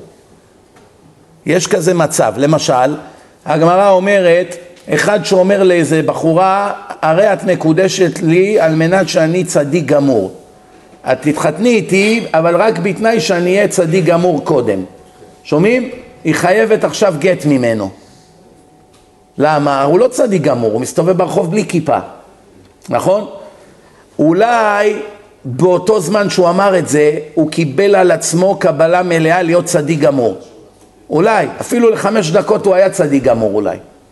אולי לאיזה שעה מישהו בא לדבר איתו לשון הרע, הוא לא הסכים, הוא קיבע את האינטרנט, הוא כבר שבר את האייפון שלו, אולי הוא באמת התחיל לעשות משהו. והנה אחרי יום התייאש וחזר להיות פלגמט. אז עכשיו, יכול להיות שהיה נקודה שהבן אדם הזה צדיק גמור, היה לאותה שנייה, חזר להיות רשע גמור. היא כבר יכול להיות התקדשה לו, היא לא יכולה להתחתן עם מישהו אחר, הילדים יהיו ממזרים. אז היא חייבת לקבל ממנו גט. אבל אני שואל, רגע, רגע, רגע, מה זה? הוא הרי לא החזיר חובות, הוא חייב כספים, הוא גזל כספים מאנשים, הוא עוד לא גמר לעשות תשובה, זה לוקח שנים לתקן את הכל. עוד הוא לא למד שום תורה בכלל, עוד הוא לא יודע איך מניחים מתפילין כמו שצריך, עוד הוא לא עשה שום דבר, מה? בינתיים אתה רואה הבן אדם עדיין חילוני גמור, מה? עדיין הג'ינס עם החורים, עם השפשופים, מה השתנה אצלו? איך היא צריכה ממנו גט מספק? אלא מה רואים מכאן? שבמחשבה הבן אדם יכול לעשות תשובה אמיתית מעומק הלב. ודאי שאחרי שהוא ייפטר מהעולם הוא יצטרך לשלם על מה שהוא לא עשה, זה ודאי, אין שאלה בכלל. אם הוא לא החזיר כספים הוא חייב להחזיר אותם, אם לא הוא צריך לחזור בגלגול. כל מה שהוא עשה ולא תיקן, הוא צריך לתקן. אבל ההרהור תשובה, אפילו הרהור תשובה, כבר עוזר. אומרים אברהם אבינו, הוא גייר הרבה גויים, הכניס אותם תחת כנפות השכינה, את הנפש? את, ה, את הנפש אשר עשו בחרן. אברהם אבינו לימד את הגויים העובדי אלילים להפסיק להיות עובדי אלילים ולעבוד את השם. יש בורא אחד לעולם. עוד לא היה יהדות עדיין. כן, אז עכשיו תשמעו טוב. כתוב שאחרי שנתיים בערך, לא אחרי שנתיים, אחרי תקופה, כל הגויים האלה חזרו להיות כמו שהיו. לא נשארו צדיקים. אז מה מזכירים את זה? מה עשו מזה big deal? הרי בסופו של דבר המשימה לא הושגה. כשאתה מחזיר בן אדם בתשובה, אם הוא ימות חרדי, צדיק, הצלחת. אם הוא יהיה שנה חרדי ויחזור להיות חילוני, אז מה, מה הועלת? הרי אין לו עולם הבא. הנה, הוא חזר להיות רשע כמו שהיה. חזר לחלל שבת. לך מה הועיל? בסופו של דבר הוא חזר למצבו הקודם. זה כמו רופא. רופא עשה ניתוח, נראה שהבן אדם מתאושש לחודש ובסוף מת. אז עכשיו הרופא אוכל את הלב, כל ההשקעה שהשקעתי בחולה הזה, בסוף הוא מת במילא, נכון? אז עכשיו, השאלה שלי היא כזאת, האם שאתה גורם לאדם לחזור בתשובה ואחר כך הוא עוד פעם חוזר, האם יש בזה מעלה או שזה כלום? לא הרווחת, לא הפסדת, מה אתם אומרים? לא באותו רגע, בסוף. בסוף, אחרי שהוא נהיה חילוני שוב. יום אחד אתה נפטר, האם תקבל על זה שכר שהחזרת אותו בתשובה לתקופה? הוא מפסיד את הכל. כתוב מפורש בנביא יחזקאל. וה, והצדיק אשר ישוב מצדקתו לא תיזכרנה לו כל צדקותיו, ככה כתוב. הבנת? אז ממילא הוא הפסיד את הכל. השאלה מה איתך? התשובה, אתה מקבל את החלק שלו בעולם הבא. זה מה שקורה. וגם, תשמע טוב, וגם אפילו תשובה זמנית היא גם כן משהו גדול בשמיים. אפילו שבסוף הוא חזר לסורו, כמו הגרים האלה עם אברהם, אתה רואה שהתורה שיבחה את העניין הזה מאוד. שלתקופה מסוימת היה קידוש השם והאנשים האלה הפסיקו לעבוד עבודה זרה. ואברהם חיזק אותם והכניס אותם תחת כנפות השכינה. אתה רואה שככה היה. מה רואים מפה? שגם תשובה זמנית היא משהו. פעם אני שאלתי איזה רב אחד, מה מועיל עכשיו בסמינר הברזל חם? יש הרבה מאלה באים, מדברים ברמקול, איזה סמינר היה, אני מקבל על עצמי ככה ואני מקבלת על עצמי ככה ואחרי חודש, חודשיים רואים אותם ברחוב יותר גרוע ממה שהם היו לפני הסמינר אפילו. עוד יותר נהיו גרועים, חילונים. הכל נשכח, היצר הרע עשה את שלו. אז מה הועיל כל הנאום הזה שנתנו בסמינר? אני מקבל על עצמי לקבל, לשמור שבת, מהיום והלאה אני אוכל רק כשר, אני מתלבשת מהיום והלאה רק בצניעות. אחרי כמה ימים הורידו את הכל. אז מה זה, זה נחשב? התשובה היא כן. באותו רגע זה נחשב שהוא עשה תשובה. עכשיו הוא התחיל עבירות מחדש. הבנתם מה? גם זה חשוב בעיני השם.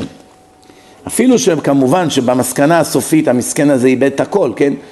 אבל זה חשוב בעיני השם. אז מה, זה הולך לאיבוד כמו שהוא עשה? כן, אין מה לעשות. מי שהיה צדיק ונהיה רשע, מפסיד את כל צדקותיו. יש את כזה במובן יהודי פשוט, שומר שבת, משתדל לעשות מצוות, ולא עומד את כל התנאים, מה שהקדוש ברוך הוא שיש לו כמו שלושת המצוות, תעשה לו תעשה. אין אף אחד ששומר הכל. אין אף אחד שהוא מושלם. אז אני מדבר על הדברים העיקריים, על הדברים העיקריים. תשמע, למשל, יש אנשים מסוימים שהם עושים עבירות, אבל הם שומרים הרבה מצוות חשובות. יהיה להם עולם הבא, רק מה, הם יצטרכו לעבור תקופה של איסורים לפני שהם ייפטרו מן העולם, או שהם יצטרכו להיות בגיהנום תקופה. הגיהנום ינקה אותם, ואז הם נכנסים למדרגה שלהם בגן עדן לנצח, זהו, גמרו עם העולם הזה. ויש אנשים עשו תשובה כל כך טובה שהם בכלל לא צריכים לעבור בגיהנום. כבר קיבלו איסורים, הכל נמחל להם ונכנסו ישר לעולם הבא, שהם בודדים, אין הרבה כאלה. ויש אנשים שחס וחלילה מאבדים את הכל, אין להם בכלל עולם הבא. עכשיו הנקודה היא כזאת, בן אדם שהוא שומר שבת, שומר נידה, טהרת משפחה, אוכל כשר, לא מתגלח בתער, קובע כל יום עיתים לתורה, נשמר מלשון הרע, לא מדבר לשון הרע, לא עושה עבירות עם נשים, כל מיני זרע לבטלה, כל מיני דברים כאלה, דברים מלוכלכים באינטרנט, לא עושה את הדברים האלה. הבן אדם הזה, גם אם הוא לא צדיק גדול, הוא לא לומד כל היום בישיבה, הוא, כל מיני דברים הוא עושה, הוא, האדם הזה יש לו עולם הבא. עכשיו, אם יש לו כל מיני עבירות, הוא יצטרך לשלם על העבירות האלה. גם קודם כל יש הפסדי, הפסדים כספיים, יש מחלות, יש בעיות, יש עוגמת נפש, יש גם תשובה שהוא עושה, יש ימי כיפור, הכל ביחד יוצא שבסוף על המשקל הוא הרבה יותר טוב מאשר רע. אבל יש עבירות מסוימות שאם אתה עושה אותן, גמרת. זהו, שום דבר לא יעזור לך. מה זה? אחד מהם זה חילול שבת. אתה מחלל שבת, אתה נחשב מאה אחוז גוי. גמרנו, אין לך עולם הבא. מה? 90 אחוז זה חילול שבת תופס. 90 אחוז מה? זה 90 אחוז זה כאילו פה מחוץ של השבת. במדרגה הכי גבוהה. שבת זה אות היא ביני וביניכם, אות. ושמרו בני ישראל את השבת, לעשות את השבת לדורותם ברית עולם ביני ובין בני ישראל אות היא לעולם. אין לך האות, אין לך קשר עם השם, נגמר הסיפור. עכשיו אני עושה אבל הרבה דברים טובים, נכון? תקבל בעולם הזה, הילדים שלך יקבלו. אבל אתה לא יכול להיכנס, בתור מחלל שבת לא יכול להיכנס לשום מדרגה בגן עדן. זה צריכים להבין. אם אתה עובד עבודה זרה, משתחווה לרב שלך, כל מקום שם את התמונות שלו, מנשק את התמונות שלו, מתפלל אליו, אתה עובד עבודה זרה, כמו הנוצרי שעובד את יושקה. אז אתה לא יכול להיכנס לשום מקום בעולם הבא, כי עובד עבודה זרה זה עבירה מאוד חמורה, זה לא פשוט. יש עבירות שקשה מאוד מהם להינצל. אם היית עם אישה נשואה, היית עם אישה נשואה, קיימת את היחסים, ידעת שהיא נשואה וזה עבירה, לא איזה טמבל אחד שאפילו לא ידע שזה עבירה. גם יש גם כאלה, תתפלאו. היא רוצה, מה זה בעיה שלי, הוא חושב? הוא לא מבין, יש השם, האישה נפסלת על בעלה. יש גם כאלה, תתפלאו. כבר היו לי כמה קיבוצניקים כאלה שהתחילו לחזור בתשובה ואומרים, אני אגיד לך את האמת, בזמן שעשיתי את זה אני בכלל לא ידעתי שאסור. חוץ ממה שבמדין, אז הוא לא ידע שאסור. איך הוא ידע שאסור? הרי בארץ בבית משפט לא מענישים נואפים. אין עונש על לנואף, חוקי המדינה. אדם נאף עם אשת איש, אין לו שום עונש בבית משפט חילוני, כלום. שום דבר. אישה נאפה עם גבר, אישה, אשת איש, נאפה עם גבר זר, היא מקבלת את כל מה שמגיע לה. בכתובה, חצי דירה, חצי זה, הכל, מכונית. לא מענישים אותה על זה שהיא זנתה, כלום. זה לא כמו בתורה, היא מאבדת את כל הזכויות שלה. אז מה, אז איך החילוני הזה יבין? איך? ההורים שלו לא לימדו אותו דת. כל היום הוא אוכל טרפות. בחיים שלו לא הבין מה זה בכלל אשת איש. חושב סתם, חבר וחברה. מיסדו את הקשר ביניהם. עכשיו היא לא רוצה אותה יותר, היא אוהבת אותי. הוא לא מבין אפילו שזה עבירה. אז אחד כזה במדרגה כזאת נמוכה, הקדוש ברוך הוא יכול להיות שיעזור לו להינצל. למה? הוא כל כך פלגמט שהוא כמעט ולא אשם מסכן כזה. תראה, חינכו אותו כמו בהמה. אבל רוב החילונים יודעים שזה עבירה חמורה אשת איש. הם יודעים, הם בעצמם תמיד אומרים, זה אני בחיים לא אעשה, עד שהם נופלים, בגלל הפייסבוק, בכל כל ההתכתבויות וכל זה, שומעים? ויש כאלה שהולכים עם אשת איש בגלל שהיא פרודה מבעלה. הם כבר לא ביחד, כבוד הרב. אז מה, הוא עוד לא קיבלה גט. היא עוד לא קיבלה גט, היא עדיין הנשמה שלו קשורה בו. אז זה בעיה, אז אנשים לא יודעים את זה. אבל אלה שיודעים, והיה עם אישה נשואה ולא עשה תשובה רצינית ביותר על זה, ונפטר מן העולם, הוא אבוד. אשת איש. הומוסקסואל, כל פעם שהוא מקיים יחסים עם החבר שלו זה איסור כרת, עונש מוות. יום אחד הוא מת, הוא לא עשה תשובה, אין לו עולם הבא אחד כזה, מה? איך יכניסו אותו בעולם הבא? כל יום עשה איסורי כרת? הבנתם? יש עבירות שברגע שאתה עושה אותן, אתה גמור. אלא אם כן חזרת בתשובה מלאה ורק אחר כך נפטרת מן העולם. אז התשובה יכולה להציל אותך, הבעיה שאנחנו לא יודעים מתי נמות. יש לך עבירות פתוחות כרגע. נגיד אחד היה עם אישה נשואה ועוד הוא לא עשה על זה תשובה. הוא עוד לא עשה על זה תשובה. מאיפה הוא יודע? מחר הוא ימות, כבר יהיה מאוחר. הבנתם? זאת אומרת, רואים, יש עבירות שקשה מאוד. למשל גזל. אדם גונב הרבה כספים, הוא לא יכול להיכנס בגן עדן.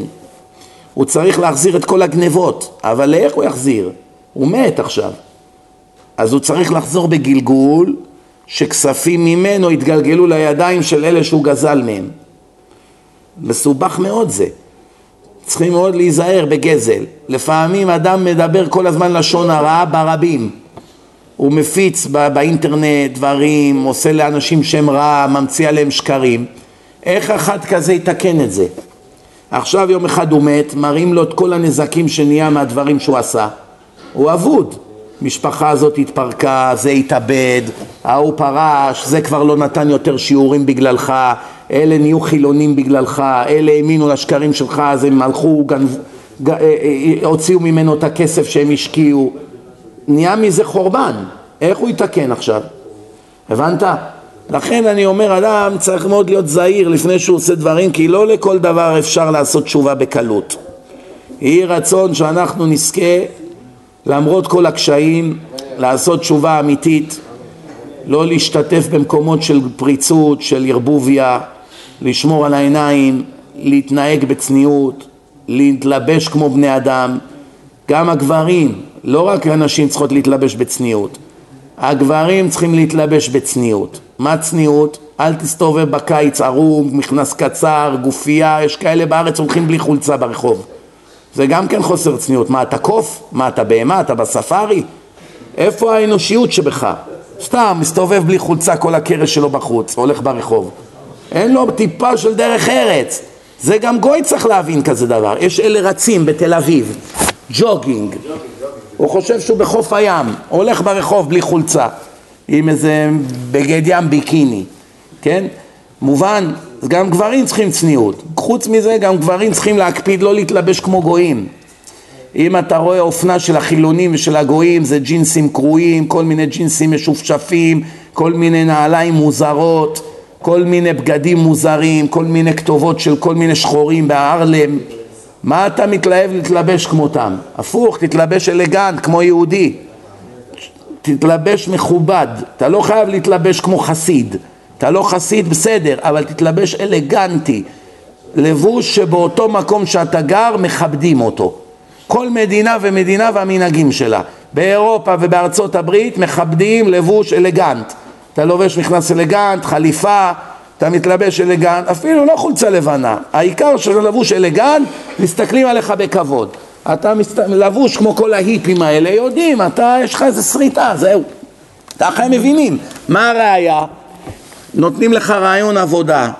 תבוא לבוש חליפה ועניבה מסודר כמו שצריך, או שתבוא כמו אלה שההיפים מתלבשים בוויליג' במנהטן, רסטות, עגילים פה, ככה תבוא עם גופייה קרועה כזאת, עם איזה שרוואל של איזה הודי, עם איזה סנדלים תנ"כיות, באת עכשיו למשרד עורכי דין, ניסית להיות פרליגל. איך שנכנסת, הבן אדם כבר שם עליך איקס עוד לפני שנכנסת למשרד, רק יצאת מהמעלית. עוד הוא לא דיבר איתך בכלל. וזה לא מעניין אותו אם אתה חכם מאוד במשפטים. איך שראה אותך, אם יהיה לך מזל, הוא יגיד לך, תשמע, תתלבש כמו בן אדם ותבוא, ניתן לך עוד צ'אנס. זה אם יהיה לך מזל. בדרך כלל זה נגמר איך שראה אותך. וכל אחד שיגיד אחרת הוא סתם צבוע מזויף. כי יש לפעמים אנשים אומרים, מה זה אלגנט?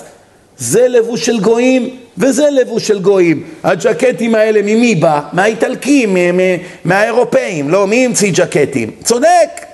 אבל היום מנהג המדינה, איזה אדם מסתכלים עליו בכבוד ובהערכה? אדם שמתלבש אלגנטי. אדם שמתלבש כמו פרחח, מסתכלים עליו בזלזול. אפילו מהתת מודע רואים את זה.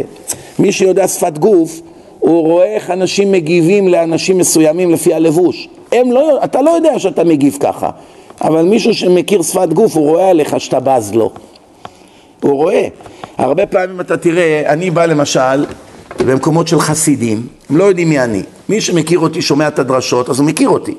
אבל מי שלא מכיר אותי, אני כבר יודע בשפת גוף שלו שהוא מסתכל עליי בזלזול גדול. למה? כי אין לי זקן כמוהו ושטריימל. מבחינתו זה הדרך להיות יהודי. מעיל ארוך, זקן, פאות ושטריימל. אין לך את זה, אתה לא בליגה שלי. ככה הוא חושב. עכשיו הוא לא יגיד לי את זה בפנים. כלפי חוץ הוא יתנהג אליי בנימוס והכל, איפה יש סידור, יגיד לי שם, הכל בסדר. אבל אני קורא את זה בשפת גוף שלו. הבנת?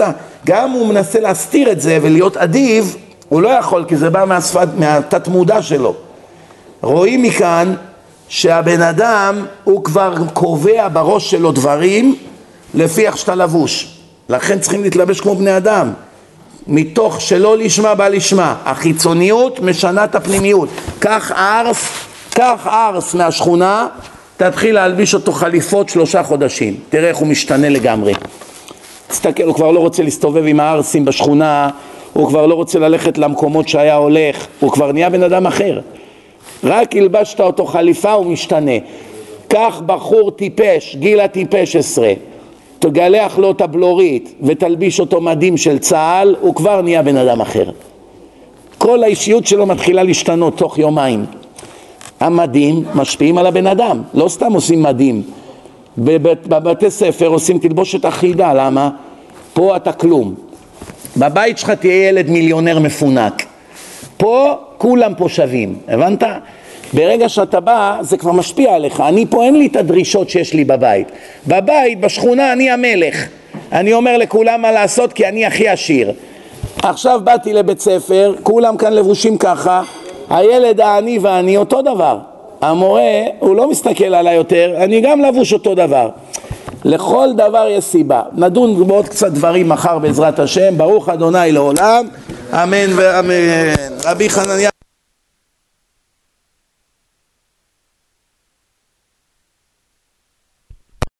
צדקו יגדיל תורה ויעד